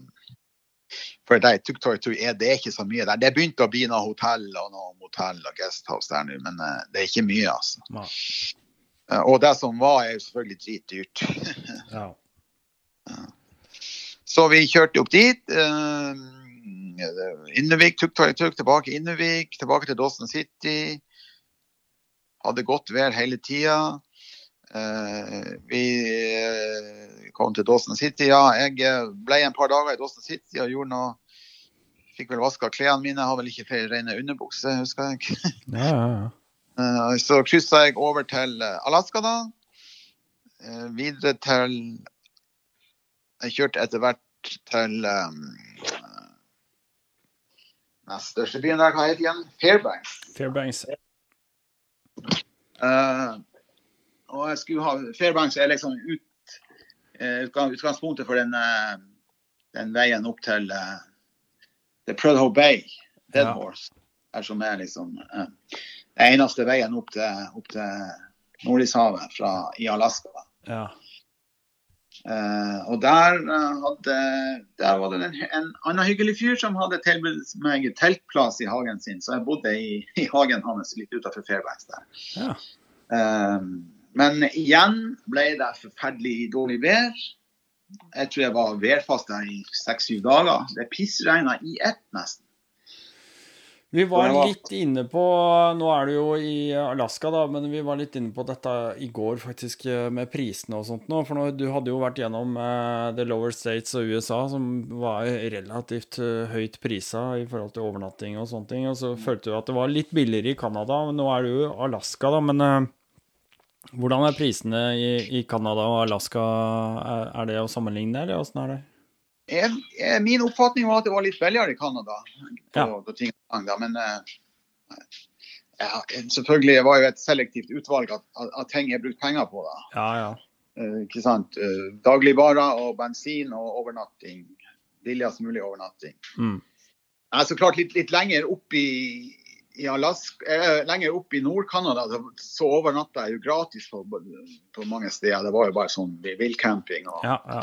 Og steder det var satt opp en benk og et utedass og sånn. eh, Ja. så Litt som å kjøre på Finnskogen her. Det var jo gratis. Ja.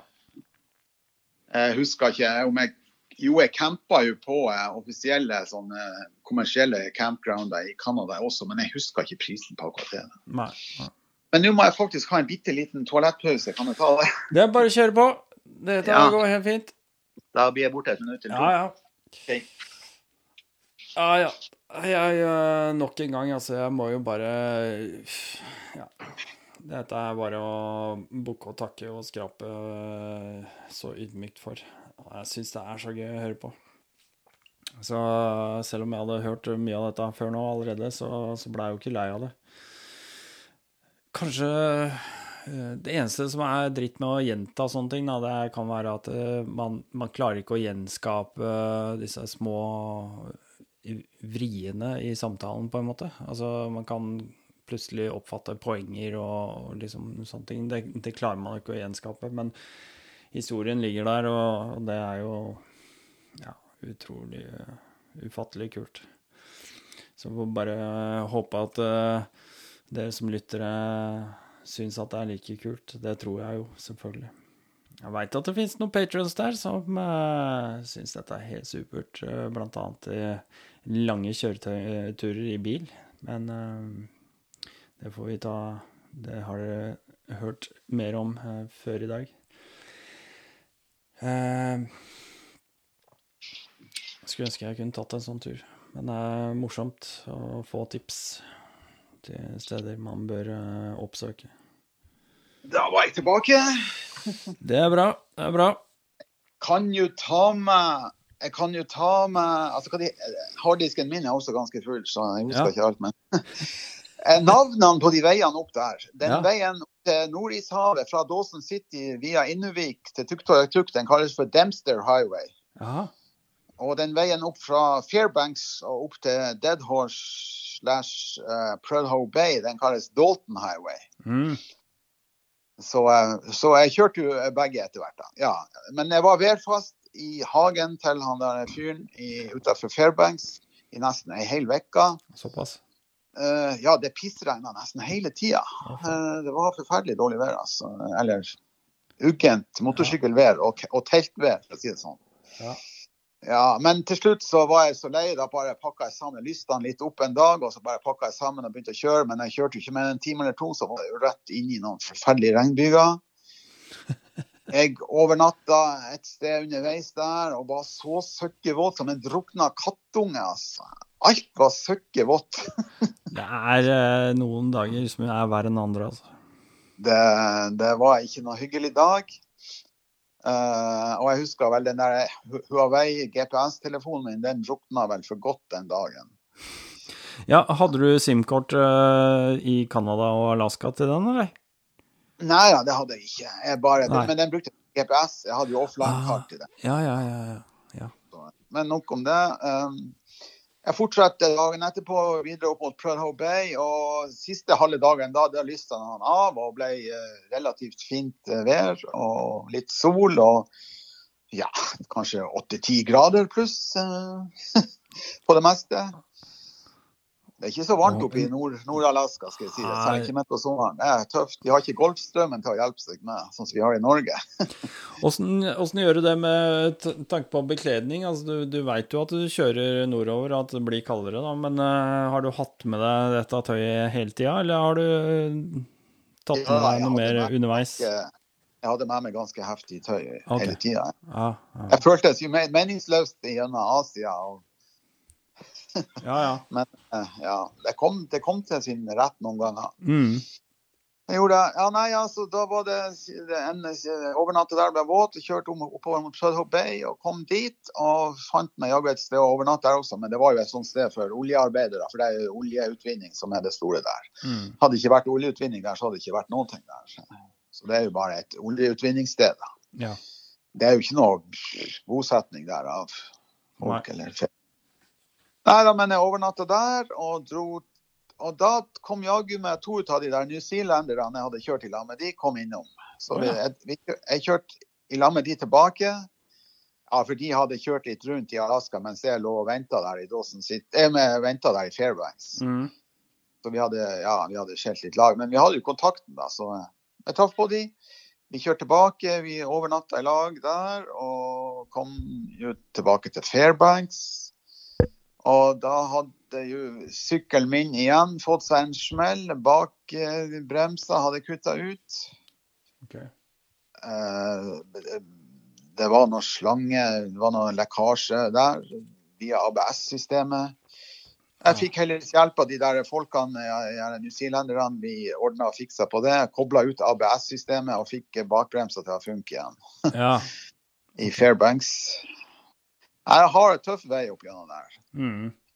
Eh, jeg kan jo si den der eh, Dempster Highway fra Dawson City og opp til Tuktoyaktuk og Innovik, eh, der var det 100% grus hele veien. Absolutt. ja.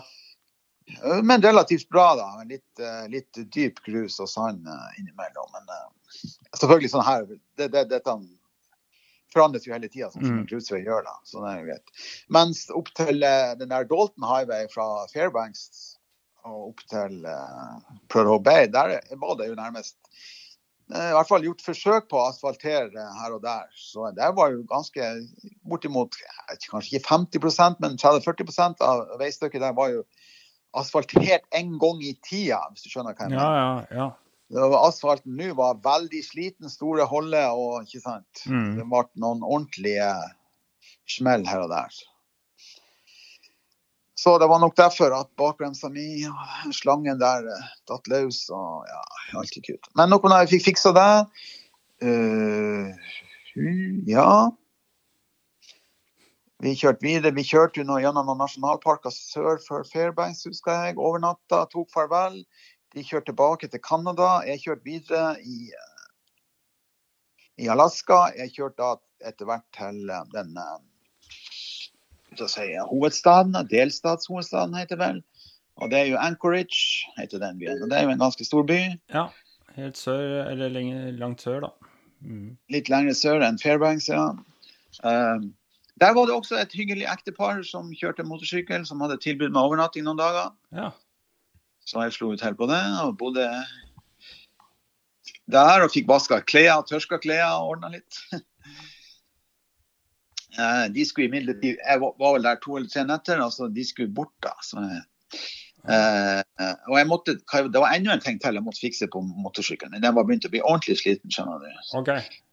Skal vi se, Nå må jeg tenke om, Hva var det som svikta der? Jeg måtte innom en sånn Yamaha-dealer og hente et eller annet. og få, få fiksa noe. Ja, det står stille nå. Men jeg måtte i hvert fall være igjen noen dager i, i Anchorage etter at jeg har bodd der. Og da det var litt hyggelig. kan jeg si det var litt hyggelig. For da fikk jeg tips om at den lokale, den lokale av alle Harley Davidson-butikken de ja. hadde ordna en sånn liten campground. Okay. En sånn liten campingplass i bakgården sin. Alle motorsyklister var velkommen der. Mm. Eh, det var toalett og dusj i bakgården der. Du spurte bare om koden til, til dørlåsen, så fikk du den. Så jeg overnatta der, i bakgården til Harley Davidson-butikken i Anchorage. Gratis. Ja fin liten eh, bakgård, eller sidebakgård. Med adgang til toalett og dusj, eh, med noen bord og benker. og I det hele tatt veldig fint. Så det kan være et godt tips. Søker Gratis overnatting. Ja. Gratis overnatting hos Harley Davidson var det i hvert fall på den tida. Ja. Oh, så det ja, var ikke bare sånn de hadde satt opp for helga, det var liksom sånn de kunne gjøre? Nei, nei, den var permanent. Den. Jeg fikk et tips fra folk som hadde vært der året før. Ja, ah, kult. kult. Jeg vet jo ikke om, den, om de har eh, samme tilbudet den dag i dag, men Nei. det var en syklist som overnattet der men samtidig med meg, så det, mm. det må man i bruk.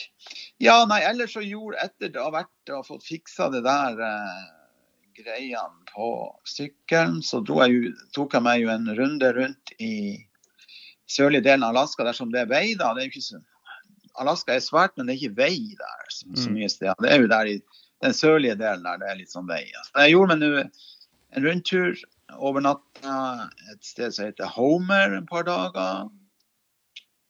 Så var det gressbrann, en skogbrann der, så husker jeg ble stoppa en dag for å kjøre videre. Uh, jeg besøkte flere sånne småsteder. Et sted som heter Valdez. Ja. Uh, Exxon Valdez har du kanskje hørt om? Det var den der eh, oljetankeren som gikk gikk på grunn, og man ble kjempeutslipp. Og det var jo rett attmed der. Den var jo kalla opp etter det. Ja. Det var på 80-tallet en gang, var ikke det? Nei, jeg kjenner ikke til det. Nei, nok om det. Valdez, det, og det er jo spansk. da. Er, Alaska har en utrolig uh, interessant historie hvis du går tilbake. Ja. For Amerikanerne de kjøpte jo Alaska fra Russland i 1860-1870. Så det var jo egentlig Russland som, hadde, som eide på en måte Alaska, da, så hadde erobra det. Men før det hadde det vært spanjoler oppover der. og Det er flere sånne spanske, spanske, spanske navn der. Valdez der, blant annet. Ja. Så det er litt artig. Da. Cordova. Ja, Cordova det, det som heter Cordova. Ja. Eh, så ja, jeg var en rundtur to-tre dager på mange sånne fine småplasser. Et sånn der forlatt gruvesamfunn. Jeg husker ikke hva det heter der, men uh, det var interessant. Jeg, jeg, jeg, var 30 dager i Alaska til sammen. Ja. Uh, utrolig fint, men det er jo værhardt. Det er ingen tvil om det. Uh, litt, litt, det samme som Norge. Du vet, selv om det er midt sommer, så vet du aldri hva du kan få. Du kan få regn og storm. Åssen er det? Fikk du noen opplevelse av befolkning og sånn der, eller?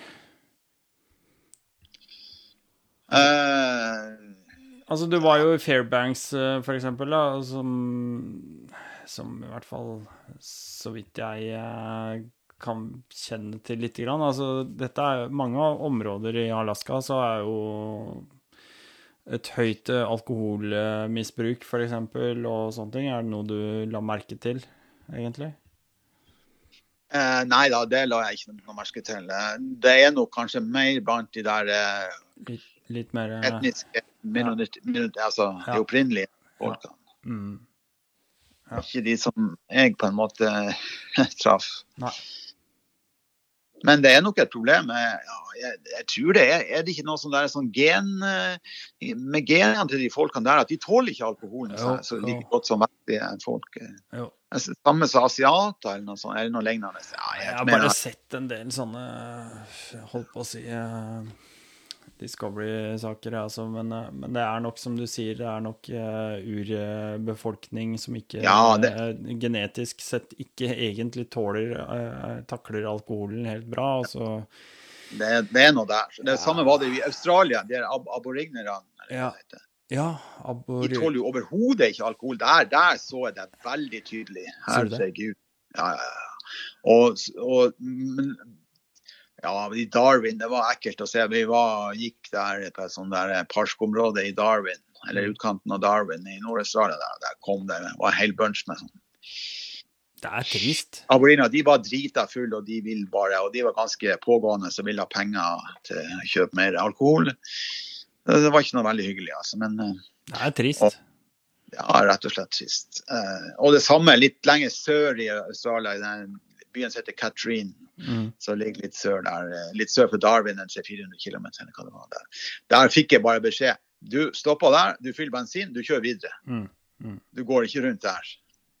Ja. Du, der stopper du og fyller bensin, og så kjører du videre. Du, ja. du, kan gå inn på bensinstasjonen og kjøpe deg en flaske vann eller cola, eller sånn, og det kan du gjøre, men uh, du skal ikke stoppe der. Og, der, og, jeg så jo det. Det var fullt av rus, rusa aboriginere som går rundt og gikk der i gaten. Så det mm. var det var ikke noe hyggelig sted å stoppe, og jeg stoppa heller ikke der. Så, Nei, altså, det er noe med de etniske urfolkene, de tåler ikke alkohol. Nei, men, men, det, var jo ikke, det var jo bare på en måte hvite amerikanere i mm. stort sett og, og traff eh, på de stedene. Så det, ja. ikke, den problematikken der kommer man ikke borti i Alaska. Nei. Men det, det, det, er jo helt klart eh, et problem på de stedene der som det er mye etniske urfolk. Ja, og mye arbeidsledighet og, og ja. sånne ting. Så ja domestic violence og alkohol mm. Eh, hånd i hånd. Og, mm. Ja Nei, men da var turen min nesten over, da. Jeg var, skulle bare komme tilbake. Jeg hadde da vel begynt å bestemme for at jeg skulle Jeg vurderte å selge sykkelen der borte, men du får ikke registrert en europeisk sykkel der borte, så måtte du bli bare en sånn farm, farmsykkel, da, eller noe sånt. Ja. Jeg, fikk til, jeg, jeg, fikk tilbud om 500 dollar for den. ja. Og noen som bydde 500 dollar for den. Uh, ja, nei da, jeg kjørte jo tilbake igjen. Kryssa over til uh, Etter 30 dager i Alaska så kjørte jeg tilbake til Canada. Jeg kjørte tilbake til en by som heter Whitehorse, stoppa der et par-tre dager. Og da var vel der jeg drev og tenkte på hva jeg skulle gjøre egentlig. Mm. Da var vi vel kommet inn i september, tror jeg. Men uh, ja. Så, nei, så til slutt så bestemte jeg meg for å og så få sykkelen med meg hjem. Da. Så da skjedde det jævla fort. og bare bestilte jeg, For Air, Air Canada hadde noe sånn veldig bra tilbud på, på, på flyfrakt av motorsykler. Så eh, okay. det var vel en 1500-1600 canadiske dollar mm. for å, å kjøre sykkelen hjem. da. Ja, For en canadisk dollar, er den nede i fem eller noe sånt, eller? Nei, den var vel rundt en seks-syv. Ja, ok. Ja. Så det ble vel en 10 11 12 000 norske kroner. Det er jo litt mye penger, men herregud, altså. Jo, jo, jo. jeg kunne ha solgt den for 500 dollar og kanskje hatt fly, min egen flybillett hjem. Ja. Nei, jeg tok en avgjørelse, jeg gjorde det. Uh, kjørt sørover. Uh, hadde ennå et lite uhell med motorsykkelen, husker jeg, på vei ned der. Kjea strekte seg og hoppa av. Au. Og måtte få nytt, uh, ny kjede på gamle tannhjul drev. For de hadde jo ikke drev til den sykkelen. ikke sant? Den Tenereen hadde jo ikke blitt importert til USA eller Canada, så de hadde jo ikke drev til den sykkelen noe sted. Nei. Så jeg var jo litt sånn kinkig da, men jeg fikk nå humpa meg videre med en ny kjede og gamle drev. Eh, jeg fikk ordna meg et sted å bo i Calgary, eh, som jeg da til slutt eh, fløy sykkelen hjem ifra. Eller hjem fløy jeg den jo ikke, men jeg fløy den fra Calgary i Canada til Frankfurt i Tyskland. Okay. Så kjørte Så hadde jeg på den tida der hadde jeg en eh, kompis, eller jeg har fremdeles kompis, men han, han jobba for Kiel-ferga. Ja. Så han ordna meg gratisbillett med Kiel-ferga, så jeg kjørte opp til Kiel. Eller hadde jeg selvfølgelig overnatting eller to på veien fra ja. Frankfurt. Uh, tok Kiel-ferga opp til Oslo, og dermed var jeg tilbake til utgangspunktet som jeg hadde forlatt fem år og to måneder tidligere. Ja. Det var det. Men du hadde leid ut uh, leiligheten din hele den perioden du nå, eller? Ja da, det hadde jeg. jeg hadde leid ut, og jeg hadde ennå leid den ut uh, litt uh, framover i tid da, sånn Ja. at Jeg var jo hjemme Hvis jeg skal ta resten av hva som skjedde den måneden Nei, jeg var jo hjemme her i Norge en halvannen måned oppe i Lofoten og besøkte familien. Og, Ja. og, og bodde litt hos kamerater her rundt omkring Oslo. Og så dro jeg til Thailand igjen, der jeg hadde, har kjæreste, og også har jeg motorsykkel. Mm. Så jeg dro vel til Jeg var hjemme her i seks uker i Oslo. Så dro jeg til Thailand og skulle være der seks måneder. Og kom tilbake hit 1. mai i fjor og ta tilbake leiligheten, få tilbake leiligheten min og begynne å jobbe og alt det der trivielle greiene igjen. Ja, ja. Eh, Jeg måtte jo dra tilbake litt før tida da pga. koronapandemien, så men eh, greit. ja. For Så det var, siden vel- i var vel i fjor i mai i fjor uh, møtte deg, var det ikke det? Rundt Ja, det var vel i fjor vår en gang. Ja. Da hadde jeg kommet eh, tilbake til Norge og fått eh, tilbake leiligheten min. Og Mm. drev og så meg om og søkte på jobber. Og drev og skulle ha med en ny motorsykkel. For den gamle, slitne Tenereen, den, den var moden for utskifting. ja, du kom med den eh, Pensjonering, kan vi si. Ja, du kom med den sykkelen. Ja, jo ennå. Det gikk jo ennå, den gjorde jo det. Vi må jo, vi må jo runde av. litt og sånn. Ja, vi må, ikke, vi må jo ikke legge den bak i historien heller. Altså, den har jo tross alt eh, frakta deg ganske mange kilometer. Hvor, hvor langt har du kjørt på den sykkelen uh, før du pensjonerte ja, nå, holdt jeg på å si? Si det. Altså, jeg kjøpte en brukt, og da var vel gått 11 000-12 000 km. Ja. Så hadde den jo ca. ett år før jeg dro av gårde på den turen. Så da tror jeg jeg hadde en 3 24 000 km på speedometer når jeg dro herfra Ja. Oslo. Eh, men så er det jo det at eh, speedometer på de syklene de stopper på 1,99. Å ja. 999. så det, det, det speedometeret stoppa på, det går ikke lenger. Altså, det gjør, gjør ikke det. Det, var, det er en eller to andre som hadde i hvert fall på den tida der, så var det en eller to andre som hadde kjørt like langt. da. Og det viser at det, speedometeret stoppa på 1,99999. Ja, så den går det til 200 000. da. Men eh, jeg husker jeg passerte det der eh, 200 000, eller 19999-merket i mm, California. Okay. Så jeg kjørte jo fremdeles eh, opp fra gjennom Oregon og Washington og gjennom hele Canada, opp til Nordishavet der. og opp til Nordishavet i USA, Mm. eh, i Alaska, rundtur, god rundtur i Alaska, tilbake til eh, langt sør i Canada igjen. Og så kjørte jeg jo hjem fra Frankfurt gjennom Tyskland. Altså, jeg, jeg vet ikke, jeg, jeg ca. 20 000 km til, tenker jeg. 20 25 000 km. Ja. Den, eh, jeg kjørte nok en 200 000 km på den sykkelen på den turen. Så brukte jeg jo litt andre sykler også, men, eh, ja. ja. men den sykkelen brukte jeg 200 000, ca. 200 000 km på den turen. Ja. Du nevner at du hadde et problem fordi at du kom til eh, Du kommer da til Canada som de ikke har importert den sykkeltypen, så du får ikke tak i drev, f.eks. Og du har jo Ja. hatt andre krasjer nedover i, i Sør-Amerika og sånne ting, hvor har hatt eh, Men der har du jo hatt den sykkelen. Er det mm, sånn i retrospekt eh, Hva tenker du om valg av motorsykkel på en sånn type tur? Nei eh, eh, Ja, riktignok hadde de eh, Teneren uh, importert til Sør-Amerika, men de har ikke mye deler til det. Nei. Bortsett fra i Brasil, for den, er også, de har, den er, ble også produsert i Brasil. Ja.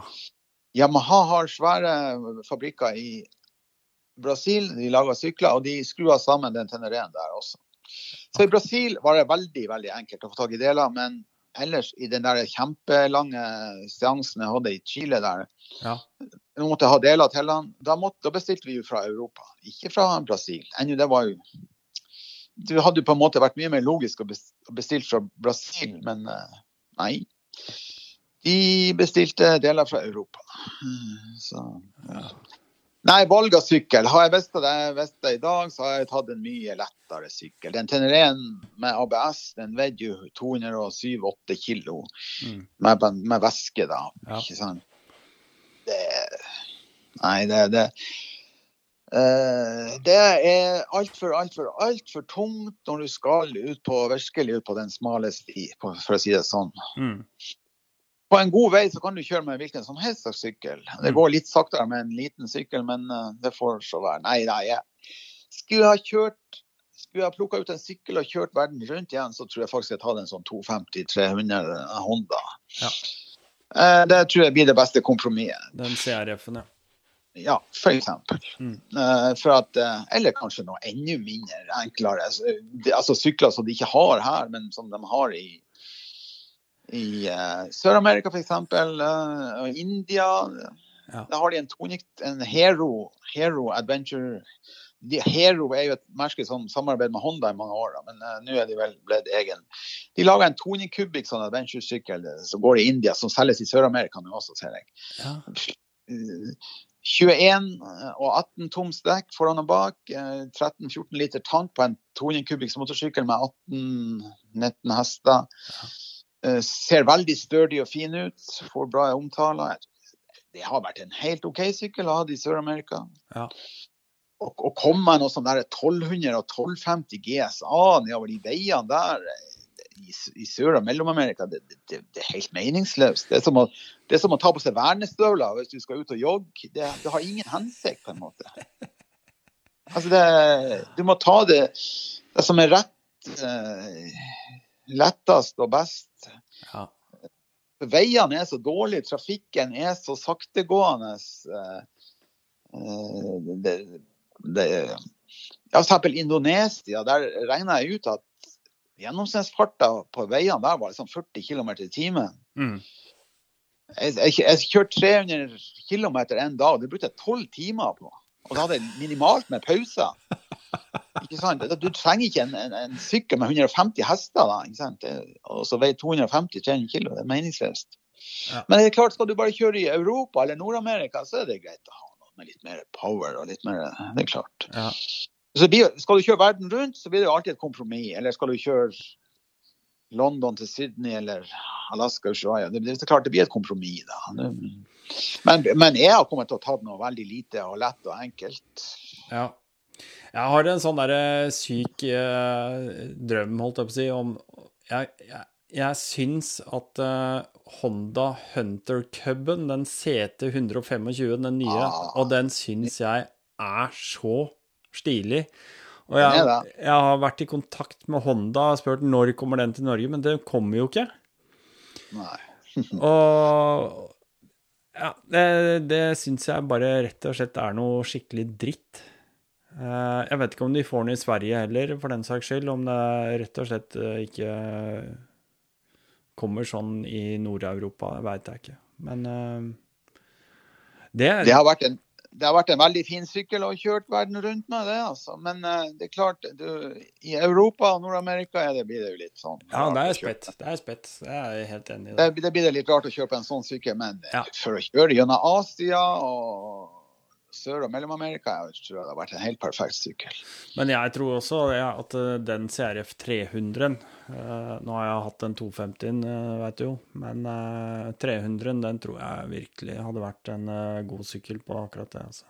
Ja da, det, det, det tror jeg også. Veldig bra kompromiss. Mm, jeg tror det. Den hadde du ikke trengt oppgradert så veldig mye heller. Litt bedre, litt bedre fjæring og litt bedre plate under den, og litt bedre styre, kanskje. Ja. Ja. Litt sånn smått hit, eh, Litt sånn små personlige, personlige, personlige forbedringer her og der, men det må man jo alltid ha. Ja, ja. Nei da. Nei, jeg vet ikke. Den- Teneréen, Tenereen den fikk jo så veldig mye skryt. Å, den er bombesikker, og, dut, dut, dut, dut, og den blir det aldri noe feil med. Men eh, jeg vet ikke. Når, når jeg begynte å følge andre folk som kjørte med Teneré, Mm. så hadde de jo feil etter feil etter feil etter feil. Herregud, det var en engelskmann som tok av fra England, og han kom seg vel til Mongolia første gangen. Mm. Og hele motoren brøt sammen. Ja. girboksen og alt. Og han endte opp med Han fikk ikke reparert den der. Han endte med å frakte sykkelen hjem til England igjen. Han starta på nytt året etterpå. Han kom seg til India det året. Motoren knekte sammen igjen. Han fikk den fiksa i India etter hvert, med mye om og men. Han kjørte videre.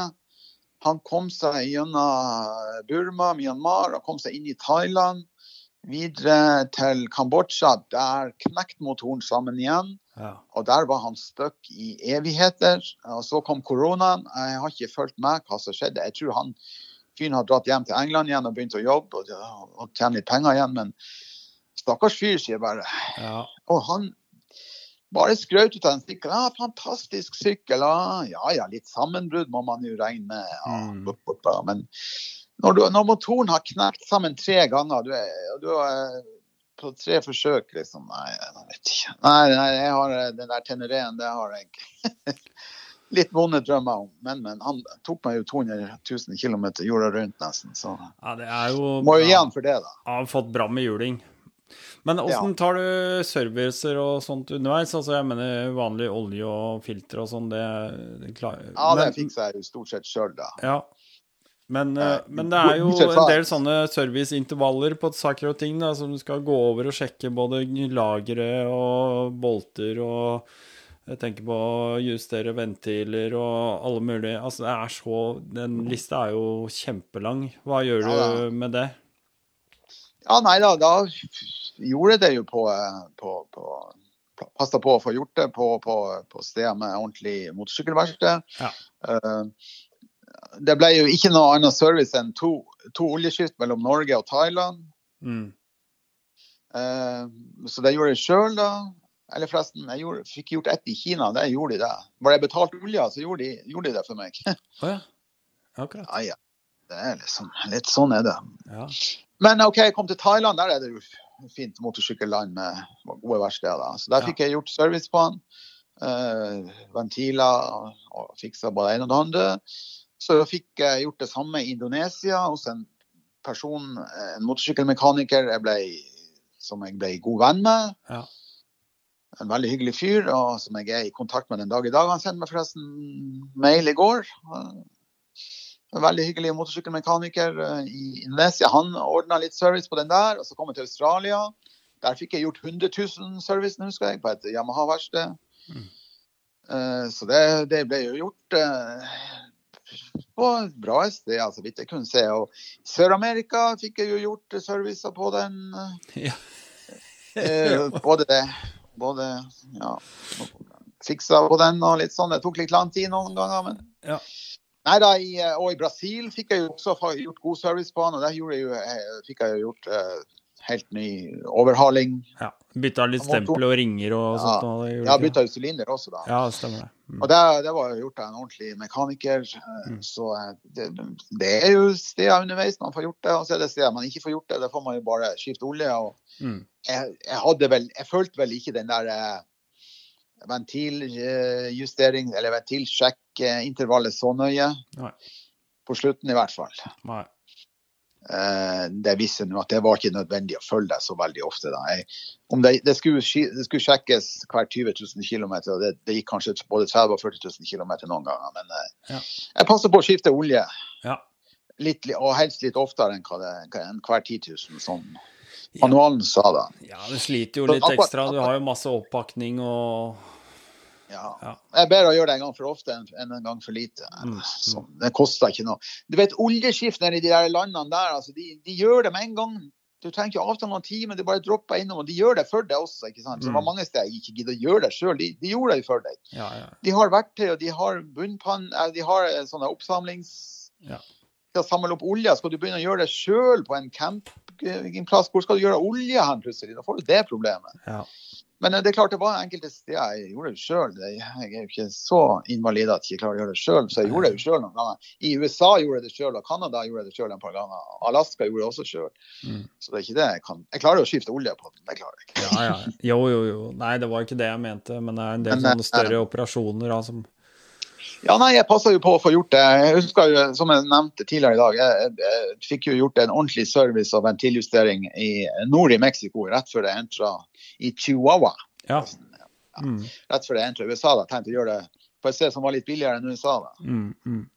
Så, det var vel strengt tatt den siste plassen. Så fikk jeg gjort et ventil Jeg, fikk, jeg gjorde ikke noe mer med ventilene før jeg kom til Norge. da. Nei. Jeg kjørte både gjennom USA og Canada og Alaska og tilbake til Canada, og så gjennom Tyskland. Og så tilbake til Norge. Da satt jeg på verkstedet da jeg kom hit igjen og fikk sjekka ventilene. Da, jeg tror det intervallet der var sikkert 30 000-40 000. Hva har skjedd med sykkelen, får jeg spørre om det? Jeg solgte den. Jeg, gidder ikke ha den. Har jeg bodd, har jeg bodd litt ute på landet, hadde en stor garasje, så skulle jeg hengt den opp på veggen der. Men jeg, den står bare her i en felles garasje midt i Oslo. Ja. Uh, det begynte å bli overledning på den igjen. ikke sant? Plutselig kom jeg ned og så uh, en dag der så uh, lysene kommer på sykkelen. jeg skjønte faen ingenting. Jeg måtte bare begynne å finne Jeg trodde det var noen som hadde prøvd å stjele den og, og, og, vridd rundt tenningslåsen eller noe sånt, men nei da, det var ikke rørt. Nei. Så det var rett og slett overledning. Ble, plutselig ble det overledning i så jeg måtte bare røske ut noe sikring. Ja sånn at det ikke ble noe mer overledning. Det kunne bli, kunne bli, kunne blir brann der. Finnes det, er det da mulig å spørre, finnes det en lykkelig ny eier på den sykkelen? Ja, ja, jeg solgte den. Jeg bare, jeg bare la den ut. Jeg sa det som det var. Den har gått ganske langt, og den trenger mye omsorg for å bli Den er kjørbar som den er nå, men den trenger nok litt omsorg for å bli bli i, i, sånn noenlunde OK stand igjen. da. Ja. Og jeg la den ut på et par grupper på sånn Facebook Marketplace. Og fy faen, jeg har aldri vært så stressa. Jeg fikk så mange henvendelser fra overalt i verden, altså, folk som vil kjøpe den sykkelen. Jeg la den ut for en latterlig lav pris. Ja. Jeg la den ut for 10 000 kroner eller noe sånt. Ja, ja, det var bare første mann til mølla. Uh, så var det, Og folk bare begynte å by, vet du. Ja. Uh, så, så, var det en som sa jeg byr 15 000, jeg kommer og henter den i ettermiddag. Ja, så bare kom du. Du, den er din. Og han kom og henta den, og vi bare overførte eierskapet, og borte var den. Ja. Jeg tror han bor nede i Østfold et sted, den fyren. Jeg lurer på om jeg har sett Jeg har ikke hørt det. Nei, jeg lurer på om han har posta bilder jeg, jeg, lurer på Kan jeg ha sett bilder av den på OTC-gruppa på Facebook? Jeg lurer på om jeg har sett bilder av den der. Er det noen som har lurt på et eller annet? Jeg har ikke sett det, men det, det kan jo tenkes. Uh, ja. Nei, det skal jeg ikke være skråsikker på. Nei da, som sagt, sykkel. Jeg har tatt en mye enklere og billigere sykkel. Jeg har bare holdt en Og, og mye kjøpt mye Jeg kjøpte sånn Klim uh, Climb, eller hvordan ja. det uttales. Jakke og bukse. Og ja. veldig dyre og ting og tang. Og, men jeg, det, det, trenger man egentlig ikke, altså. Nei. Trenger ikke top notch utstyr. Det er bedre å ha en lav profil og bruke mindre penger. Kan man bruke mer penger på selve reisa og opplevelser underveis? Mm. Det ble min filosofi. Du kjøper en billigere sykkel. Herregud, hva koster en sånn Honda CRF 250-300 i forhold til en BMW 1250 GSA? Den koster vel en femtedel? Ja, du er ikke langt unna Nei, jeg tror, jeg tror du er innafor så bruker den mye mindre bensin, så bruker den, den billigere å forsikre, så er den billigere uh, service mm. og deler på den, ikke mm. sant? Mm. Bare der du, har du spara en hel masse penger. Ja. Nei, nei, jeg har kommet til å ha gjort det veldig mye enklere. Mindre sykkel og mindre dyrt utstyr. Du trenger ikke så jævla dyrt utstyr. Og vekt er jævla viktig skal du kjøre på på Det vet du også. Ja, ja, ja. Tenk bare på han der jeg, jeg nevnte det vel tidligere, at jeg traff en, en, en, en, kar som heter Frode Martinsen. Han har jo han, jeg, han og madammen hans traff jeg i Honduras. De var på vei sørover. De kjørte til Amerika på lands. Mm. Og, da, og, han, Frode har jo kjørt verden rundt før en gang, eller ikke hele verden rundt, men en, en skikkelig langtur gjorde han i 2007-2008 eller noe sånt. Mm. Og da kjørte han på en BMW 1150 GSA, tror jeg det var. Og nå kjørte, når jeg møtte dem i Honduras, så kjørte han på en BMW 1200 GSA. Mm. Uh, uh, vet du hva han kjører på i dag? Han kjører på en sånn KTM 500 EXP, som han har gjort om til langdistansesykkel. Ja, Han sånn har skjønt det.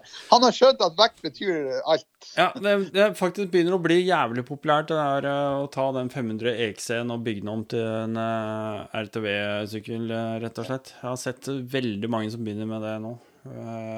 Jeg tror Jeg tror Jeg personlig, kan jeg tenke meg, da, var mer sånn Jeg blei vel vettskremt av disse her oljeskifteintervallene og sånt noe, men men det er jo når det er full racing, når du har horn i panna og ikke sant? Hvor det er om å gjøre å komme først fram. Men jeg tror det at hvis du bare kjører dette helt pent og pyntelig og greit, så, så kan du fint uh, drøye de uh, Trenger ikke akkurat et sånn oljeskitt hver tiende time. Da kan du kjøre 3000 km, og så bytter du en olje. Det er vel Jeg vet ikke. Jeg har vel ikke mer enn en, kanskje 1,5 liter, hvis det er så mye. Jeg veit ikke. Men jeg hørte at det gikk an å sette på et sånn eksternt oljereservoar på de, så du får litt mer olje på, eller bygge de om på en annen måte. Eller noe sånt, Ja, du setter vel på et litt nærmere. større sidedeksel, tenker jeg, ja. Sidecover. det Mm, var sånn. ja. Ja, men i hvert fall, det er klart, skifte olje så ofte så hver tusende kilometer eller tiende time, eller ja, 3000 kilometer. Ja, ja, men uh, uansett, det blir jo litt ofte. Men uh, i hvert fall, det viser jo det at folk har skjønt at vekt er veldig viktig hvis du skal liksom ut i bushen og kjøre litt på Ja. grusveier over fjell og sånn og sånn. Ja. Skal du bare holde det på asfaltveier og kanskje noen faste, fine grusveier, så kan du jo kjøre nærmest på en gatesykkel. ja. Nei, jeg Kanskje føler ta litt, litt sånn, eh, litt sånn offroad-dekk, da, men eh, ja. Nei, jeg tror eh, Jeg tror også den, den tida er forbi hvor du må ha 1200 GSA for å dra på langtur. Den er forbi, altså. Eh, Det er den nok. ja, det, det er ofte, og det er veldig artig å se, eller interessant å se um, f.eks. i Sør-Amerika, se de, de veldig interessante uh, veiene der. Uh, grusveiene der, f.eks. den som kalles for Lagunas rute, den som går over Altiplano i, i, i Bolivia. Den som går opp til nesten 5000 meters høyde. Og det er jo nesten ikke vei, det er jo bare noen vei, det er noen vide hjulspor gjennom Nei, De der 1200 GSA, de kjører ikke der. altså. Nei, nei. De, vet, de skjønner at det blir for tungt å kjøre der. Ja, nytter ikke, det. Har du en liten og lett sykkel, så kommer du deg gjennom der. Men du blir selvfølgelig, mista jo kraft når du er så langt opp i høyden, da. Men eh, allikevel, du kommer deg over der. Ja. Men, men en 1200 GSA på 300-400 kilo med oppakning, så blir det problemer. Ja. Det er ikke så mye som skal til. Du, altså, du skal ikke du skal ikke miste så mye balansen på en sånn sykkel, og du må ut med beinet på en eller annen side for å ta imot, og det blir fort tungt. Eh, Og det er det Du og jeg, ja, du er kanskje litt større enn meg til og med, og det er ikke kjangs når, når du begynner å ramle, altså. Det er ikke kjangs. Og så skal du ha det opp igjen òg, så kanskje ligger du på huet opp ned i en dike i tillegg. Det er bare å plukke fra hverandre Ja, da er det bare å begynne å plukke av Ja. og håpe Ja, på og det det- beste. Og, og det er jo én ting, men en annen ting er jo å drive og kjøre på skikkelig sånn sand, Mm. sandbunn, sånn her sagt, for eksempel, eller Ja. grus, eller sånn skikkelig løst underlag. Mm. Når du er på en så stor sykkel, det, det er liksom Det er så mye mer ukomfortabelt. Altså, du er så livredd for å tippe. Mm. får litt overbalanse den ene veien, får litt overbalanse den andre veien. Det er liksom på livet løst. Mm. Har du en lett sykkel, så er det mye enklere. Du kan til og med nyte stunder av og til. Men Ja, ja. eh, en tung sykkel, altså. Du, du, du, bare gruer deg. Jeg, jeg, den der eh, Tenereen den var jo 207-8 kilo, men eh, selvfølgelig hadde du masse oppakning. Jeg hadde sannsynligvis litt for mye oppakning da, så Mm. den var jo tung, den også. da. Men jeg kjente bare sånn der tunge, sånn der skikkelig grusveier, sand og gjørme og sånn. Du bare grua deg til å kjøre. Mm. Det, det, det, det var liksom ikke noe artig lenger. Det, det, blir, det blir bare et voldsomt slit. Du er så svett, og, og, og nervene er i høykant hele tida. Det er Mm. ikke noe ja, ja, altså, er du selvfølgelig Jeg er ikke noen dyktig motorsykkelkjører eller noen god offroad-kjører, men uh, Så, så det, det, er sikkert noen som er veldig dyktig til det, som har vært, kunne gjort det mye bedre enn meg. Da. Men uh, i hvert fall, det er mine tanker om det. Jeg, jeg, Lite og lett er ting hvis du skal ordentlig ute, ut, i, ut på vidden, for å si det sånn. Ja. Skal du bare kjøre på, på, gode veier, da kan du kjøre på hva som helst. Mm. Nei, det er slett ikke alle som er eh, holdt på å si London eh, når de er ute på tur på den måten der. og det tror jeg de færreste er òg. Det, det, det, er ikke, ikke mange av den typen førere der ute som har uh, en sånn og bakgrunn. Og Boskit kjører vel på en veldig lett sykkel. Han kjører vel på en sånn KTM 690 som han har bygd om til eh, Ja da. Ja da. Det, det er jo en lett sykkel i forhold til BMW 1250 GSA. Ja da, det er det. Uh, jeg, jeg, eh, valgte jo i fjor, uh, når, når Huskverna lanserte den 701 long rangen, så, mm. så, slapp jeg jo alt jeg hadde i hendene. Det var jo da du var og så på den CRF 300-en jeg hadde også. Mm. Eh, mye av grunnen til det var at jeg hadde jo jeg, jeg led jo av dette her eh, GSA-syndromet, som jeg kaller det, da. Hvor du liksom bare må ha jævlig mye bensin for å komme deg rundt. Uh, og det er liksom bare en sånn Det er bare en greie. Det er en gimmick. OK, jeg skjønner, du trenger ikke all den bensina når du kjører rundt uh, til og fra jobb her i Norge. Det er greit. Uh, ikke noe jeg skal lage bråk om. Men så har du den pakka. Jeg har hatt også to 690-er. og den KTM 690 er, det er ordentlig rå maskiner. Altså, ja, de har sine feil og de har sine mangler, men det har alle sykler. Men de motorene er faktisk De er ordentlig kanonsikre, egentlig. Og i hvert fall de nyere. Og når du da får det, den pakka, hvor du har da den skal vi si, KTM 690, som egentlig er en 701, mm. med GSA-greia med to tanker, en foran og bak, som gjør at uh, du har på en måte en uh, aksjonsradius på over 600 km. Da fant, ja, da fant jeg meg veldig fort til rette med det. Og, ja, akkurat det der syndromet har jeg også, det der bensinsyndromet. Jeg, jeg liker å ha, altså, ha mye å gå på. Ja den første store motorsykkelen jeg hadde, var en sånn Honda Transalp. Mm. Uh, det var 17,2 eller 3 liters tanke på den. Det, men det var, de syklene der var jo ennå med forgasser, så de var jo litt sånn uh, ja. tørst på en måte. Ja. Altså, det var liksom litt over 300 km jeg kom på den sykkelen. Mm. Uh, og det var litt lite. Og, jeg, jeg, og, den klarte jeg å kjøre tom flere ganger. Altså. så neste Ja, så kan vi se. Jeg hadde vel en Honda Dominator innimellom der. Og så kjøpte jeg en sånn uh, altså kjøpte en sånn Triumph Tiger 955 med 24 liter tank. Da tenkte jeg nå, altså. Ja. Og det, 24 liter, da, da har jeg. Ja. Jeg klarte jo jaggu meg å kjøre den sykkelen også tom for bensin. Da. Ja, ja, ja. ja. ja, ja. Også, det var jo også derfor jeg kjøpte en Teneren. da. Den hadde jo 23 liter bensintank. så... Mm. Nei, men det, altså, ja, hvis du skal på langtur, så er det, og litt sånn, så er det kjekt å ha ja. mye bensin. Og lang range. Eh, ja, det er det. Ja, nei, altså jeg kan, Bare for å hive inn da, jeg må fullføre litt resonnementet ja, på den long rangen. Nei, altså det er ikke noe å beklage. Men jeg, jeg har Den long rangen har to bensinpumper. så det vil Si at den har en bensinpumpe i hver tank. En foran og en bak. Mm. Uh, med en switch på styret. Og det betyr også det at uh, jeg kan sånn som jeg har gjort noen ganger, bare pakke når jeg skal på tur, så blir jo sykkelen jævlig tung i hekken. Uh, da kan jeg egentlig bare drite i å fylle bensin i den bakerste tanken, og kun ha den uh, foran setet som jeg har bensin i. Og dermed så fordeler jeg vekta veldig fint også, og sykkelen blir veldig annerledes å kjøre.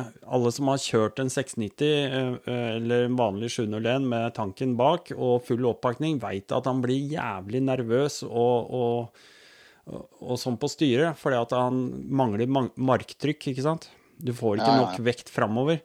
Nei, nei. Så det, det, er bare en stor fordel å få vekta flytta framover hvis du har anledning til det.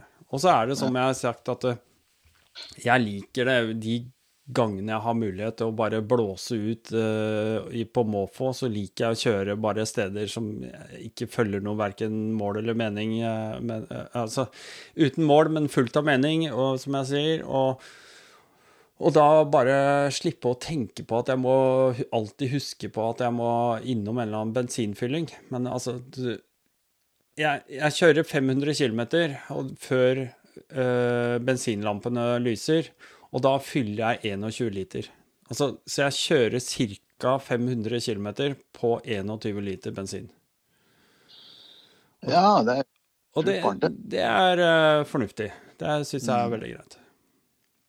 Så, ja, nei, jeg personlig jeg er helt enig i det. Men for, uh, la oss si at du har 300 km du kan kjøre. Mm. Du har en sykkel med deg. Så og er du litt sånn utafor allfarvei, så da må du begynne å tenke deg om Når du har kjørt 200 km, da må du begynne å tenke deg om. Ja. OK, 100 km igjen. Er det noe mm. Må jeg fylle bensin snart, eller kan jeg bare fortsette videre? Er det noen bensinstasjon dit jeg skal? Ja, ja. Det er klart, Kjører du rundt omkring i Norge der du er kjent, så spiller det ingen så stor rolle. Men jeg mente, skal du litt utafor der du er kjent, så er det, så er det kjekt. da. Jeg har tror eh, Jeg ville ikke kjørt noe sted sånn ut langt av gårde hvis ikke jeg hadde i hvert fall borti en 400 km. Og så har jeg et skikkelig morsomt argument til, og det kommer sikkert folk til å le av, men det er litt gøy. Jeg venter jeg vet med å fylle bensin til det er billigste bensina denne uka. Ja, men det er jo Ja, men da fyller jeg opp. Da kan jeg fylle opp dobbelt så mye som han som har den vanlige standardutgaven. ikke sant? Så kan jeg fylle dobbelt så mye av den billige bensinen. Ja, ja. Da har jeg spart penger. Jeg er veldig føler, ikke, føler jeg meg kjempefornøyd. Ikke kims av å spare penger. Ikke alle som har, som har utømmelige bankkontoer. Nei, nei, nei. Så de, der, kom, de 10 000 kronene jeg betalte ekstra for å få den long, long range-utgaven, de har jeg spart inn ikke sant, i løpet av det året. Ja, det er bra. Men hvor mange, hvor mange, liter er det den tar, den der, da? 25. 25. 25. Ja. Mm. Og hva er det på den der standardsykkelen? Det 13. 12-13? Ah, okay. Så det, er, det er litt lite, det. på en. Ja, det er litt lite. Men altså, det er jo nok, da. Uh, uh, ja, du skal bare bruke den som morosykkel og kjøre tur i skauen i helgen og sånn, så er det jo du vet, du vet, folk som vil bruke den sykkelen, og det har jo Lundon Posket gjort også. Folk som vil bruke en sånn type sykkel, de har ikke bare 13 liter med seg, ikke sant. De hiver på, nei, nei, de, de hiver på et sånne rallykit, ikke sant, med en svær ekstra tank foran alkohol. Så er det jo De gjør jo De er jo ute etter akkurat det samme. Ja da, ja da. Så ja, ja. Sånn var det. Du, vet du hva, jeg, jeg syns det var utrolig kult at du har giddet å følge opp dette her. Nå er det jo en triologi blitt. Ja, voldsomme greier, gitt. eh, hvis jeg skal ta en sånn eh, Skal vi se Vi hadde én time opptak i går. Så har vi to timer og seks minutter nå. Det er litt sånn pluss-minus der. Si tre timer nå, da. Og så hadde vi totalt overkant fem timer. Så det har blitt åtte timer med podkast fordelt på tre episoder. Ja.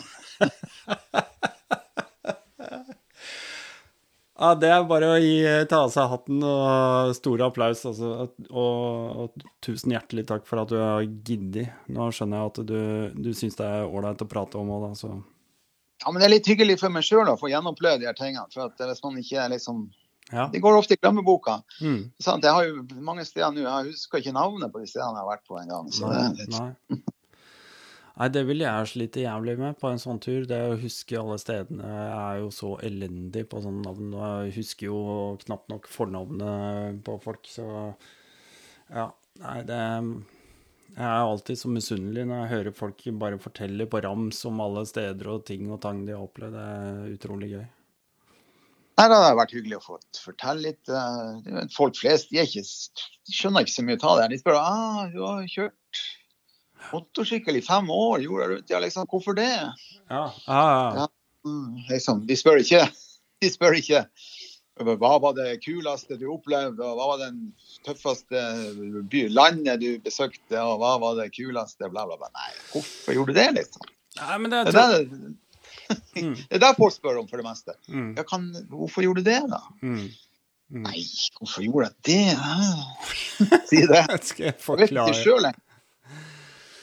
Nei, jeg tror nok det at veldig mange av de som lytter til dette her, og, og sikkert eh, andre også, de du møter rundt omkring, er, det er nok mange som har lyst til å gjøre tilsvarende ting, vet du, men som aldri kommer til å få muligheten til å gjøre det. Og da, da er det jo ekstremt spennende å kunne bare sitte og lytte og høre og, og prøve å ja, få de historiene, da.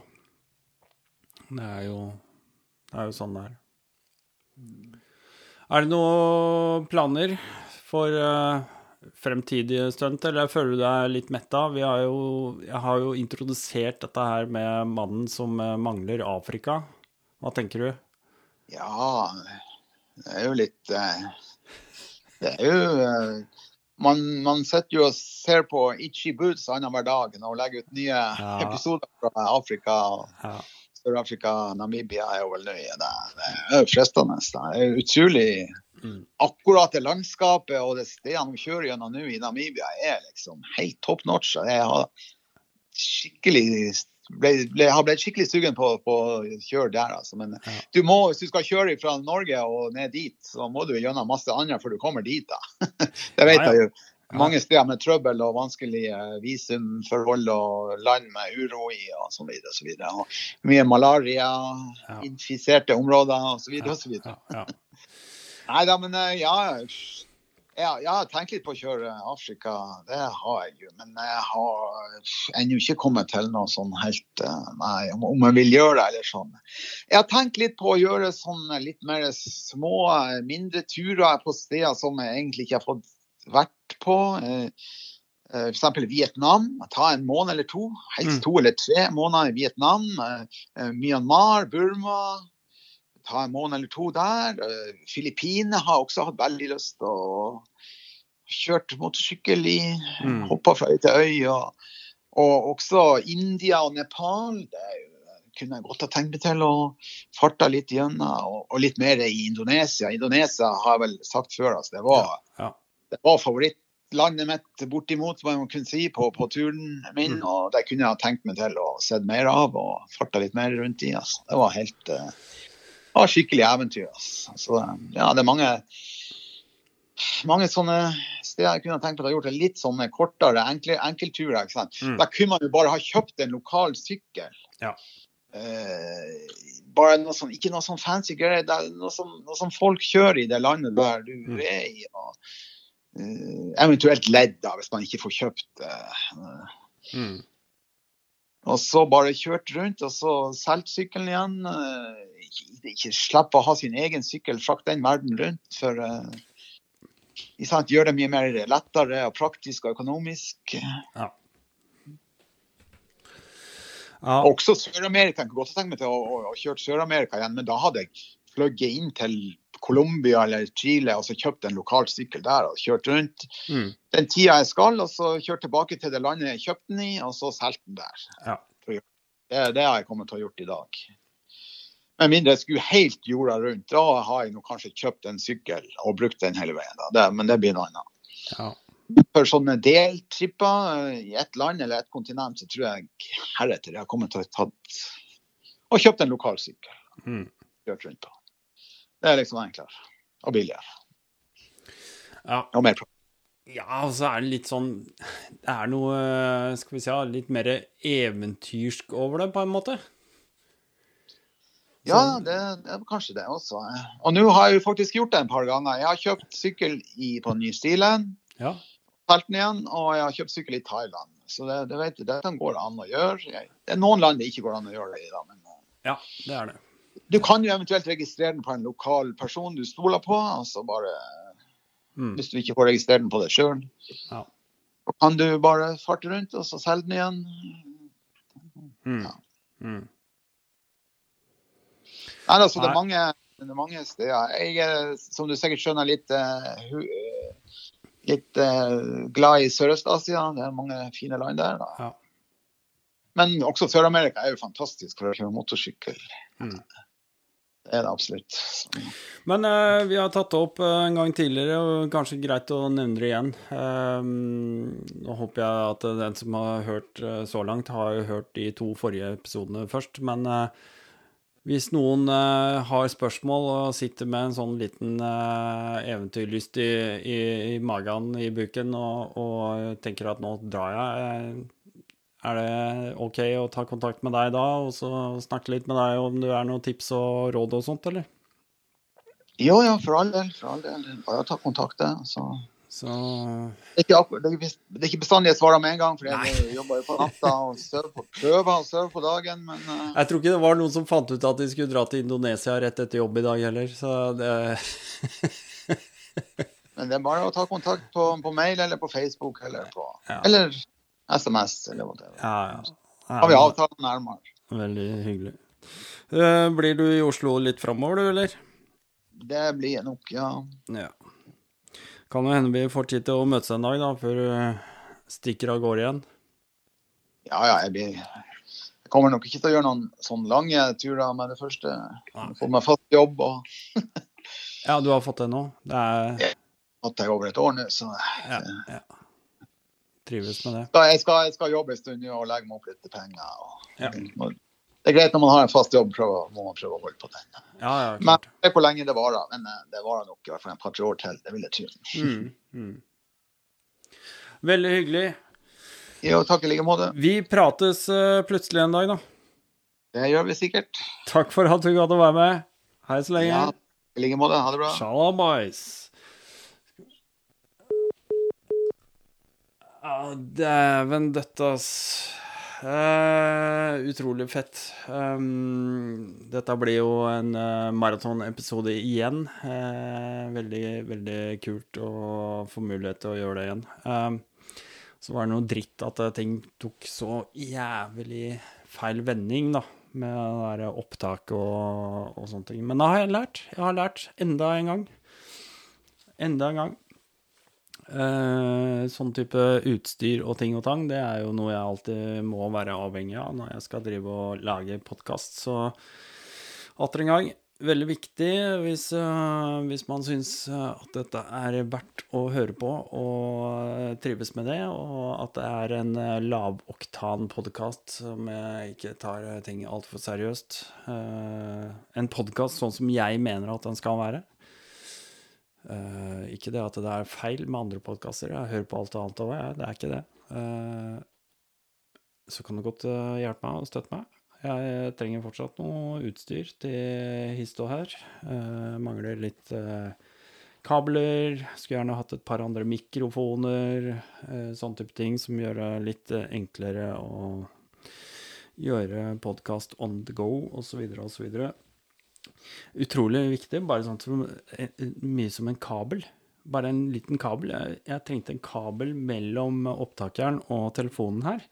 Så dro jeg, så kjøpte jeg en sånn billig kabel. Det kosta 39 kroner, tror jeg. Og jeg fikk så jævlig mye støy og interference på opptaket at det var helt jævlig. Så jeg måtte oppgradere den der meteren med kabel. Kjøpte jeg en til 200 kroner. Problem solved. Med en gang. Bare det. Så der har du det. Jeg er litt avhengig av det. Nå må jeg på dass. Eh, håper du likte dette her. Eh, husk å like eh, hvis du hører podkasten på Apple eh, Podkast. Gi meg fem stjerner. Det er dritviktig, fordi at eh, det betyr at jeg kan rykke oppover på disse listene som har med eh, auto Ja, som er sånn Ja, som har med biler eller andre sånn autogreier. Jeg husker ikke helt. Veldig viktig, og da betyr det også at uh, det popper opp min podkast i søkefeltet Uh, når folk går inn og skal bare høre på noen tilfeldige greier. Nå holder jeg på å pisse med meg. Nå stikker jeg. Vi prates plutselig igjen. Åh, nå må jeg løpe på do. Ha det. Shalabais.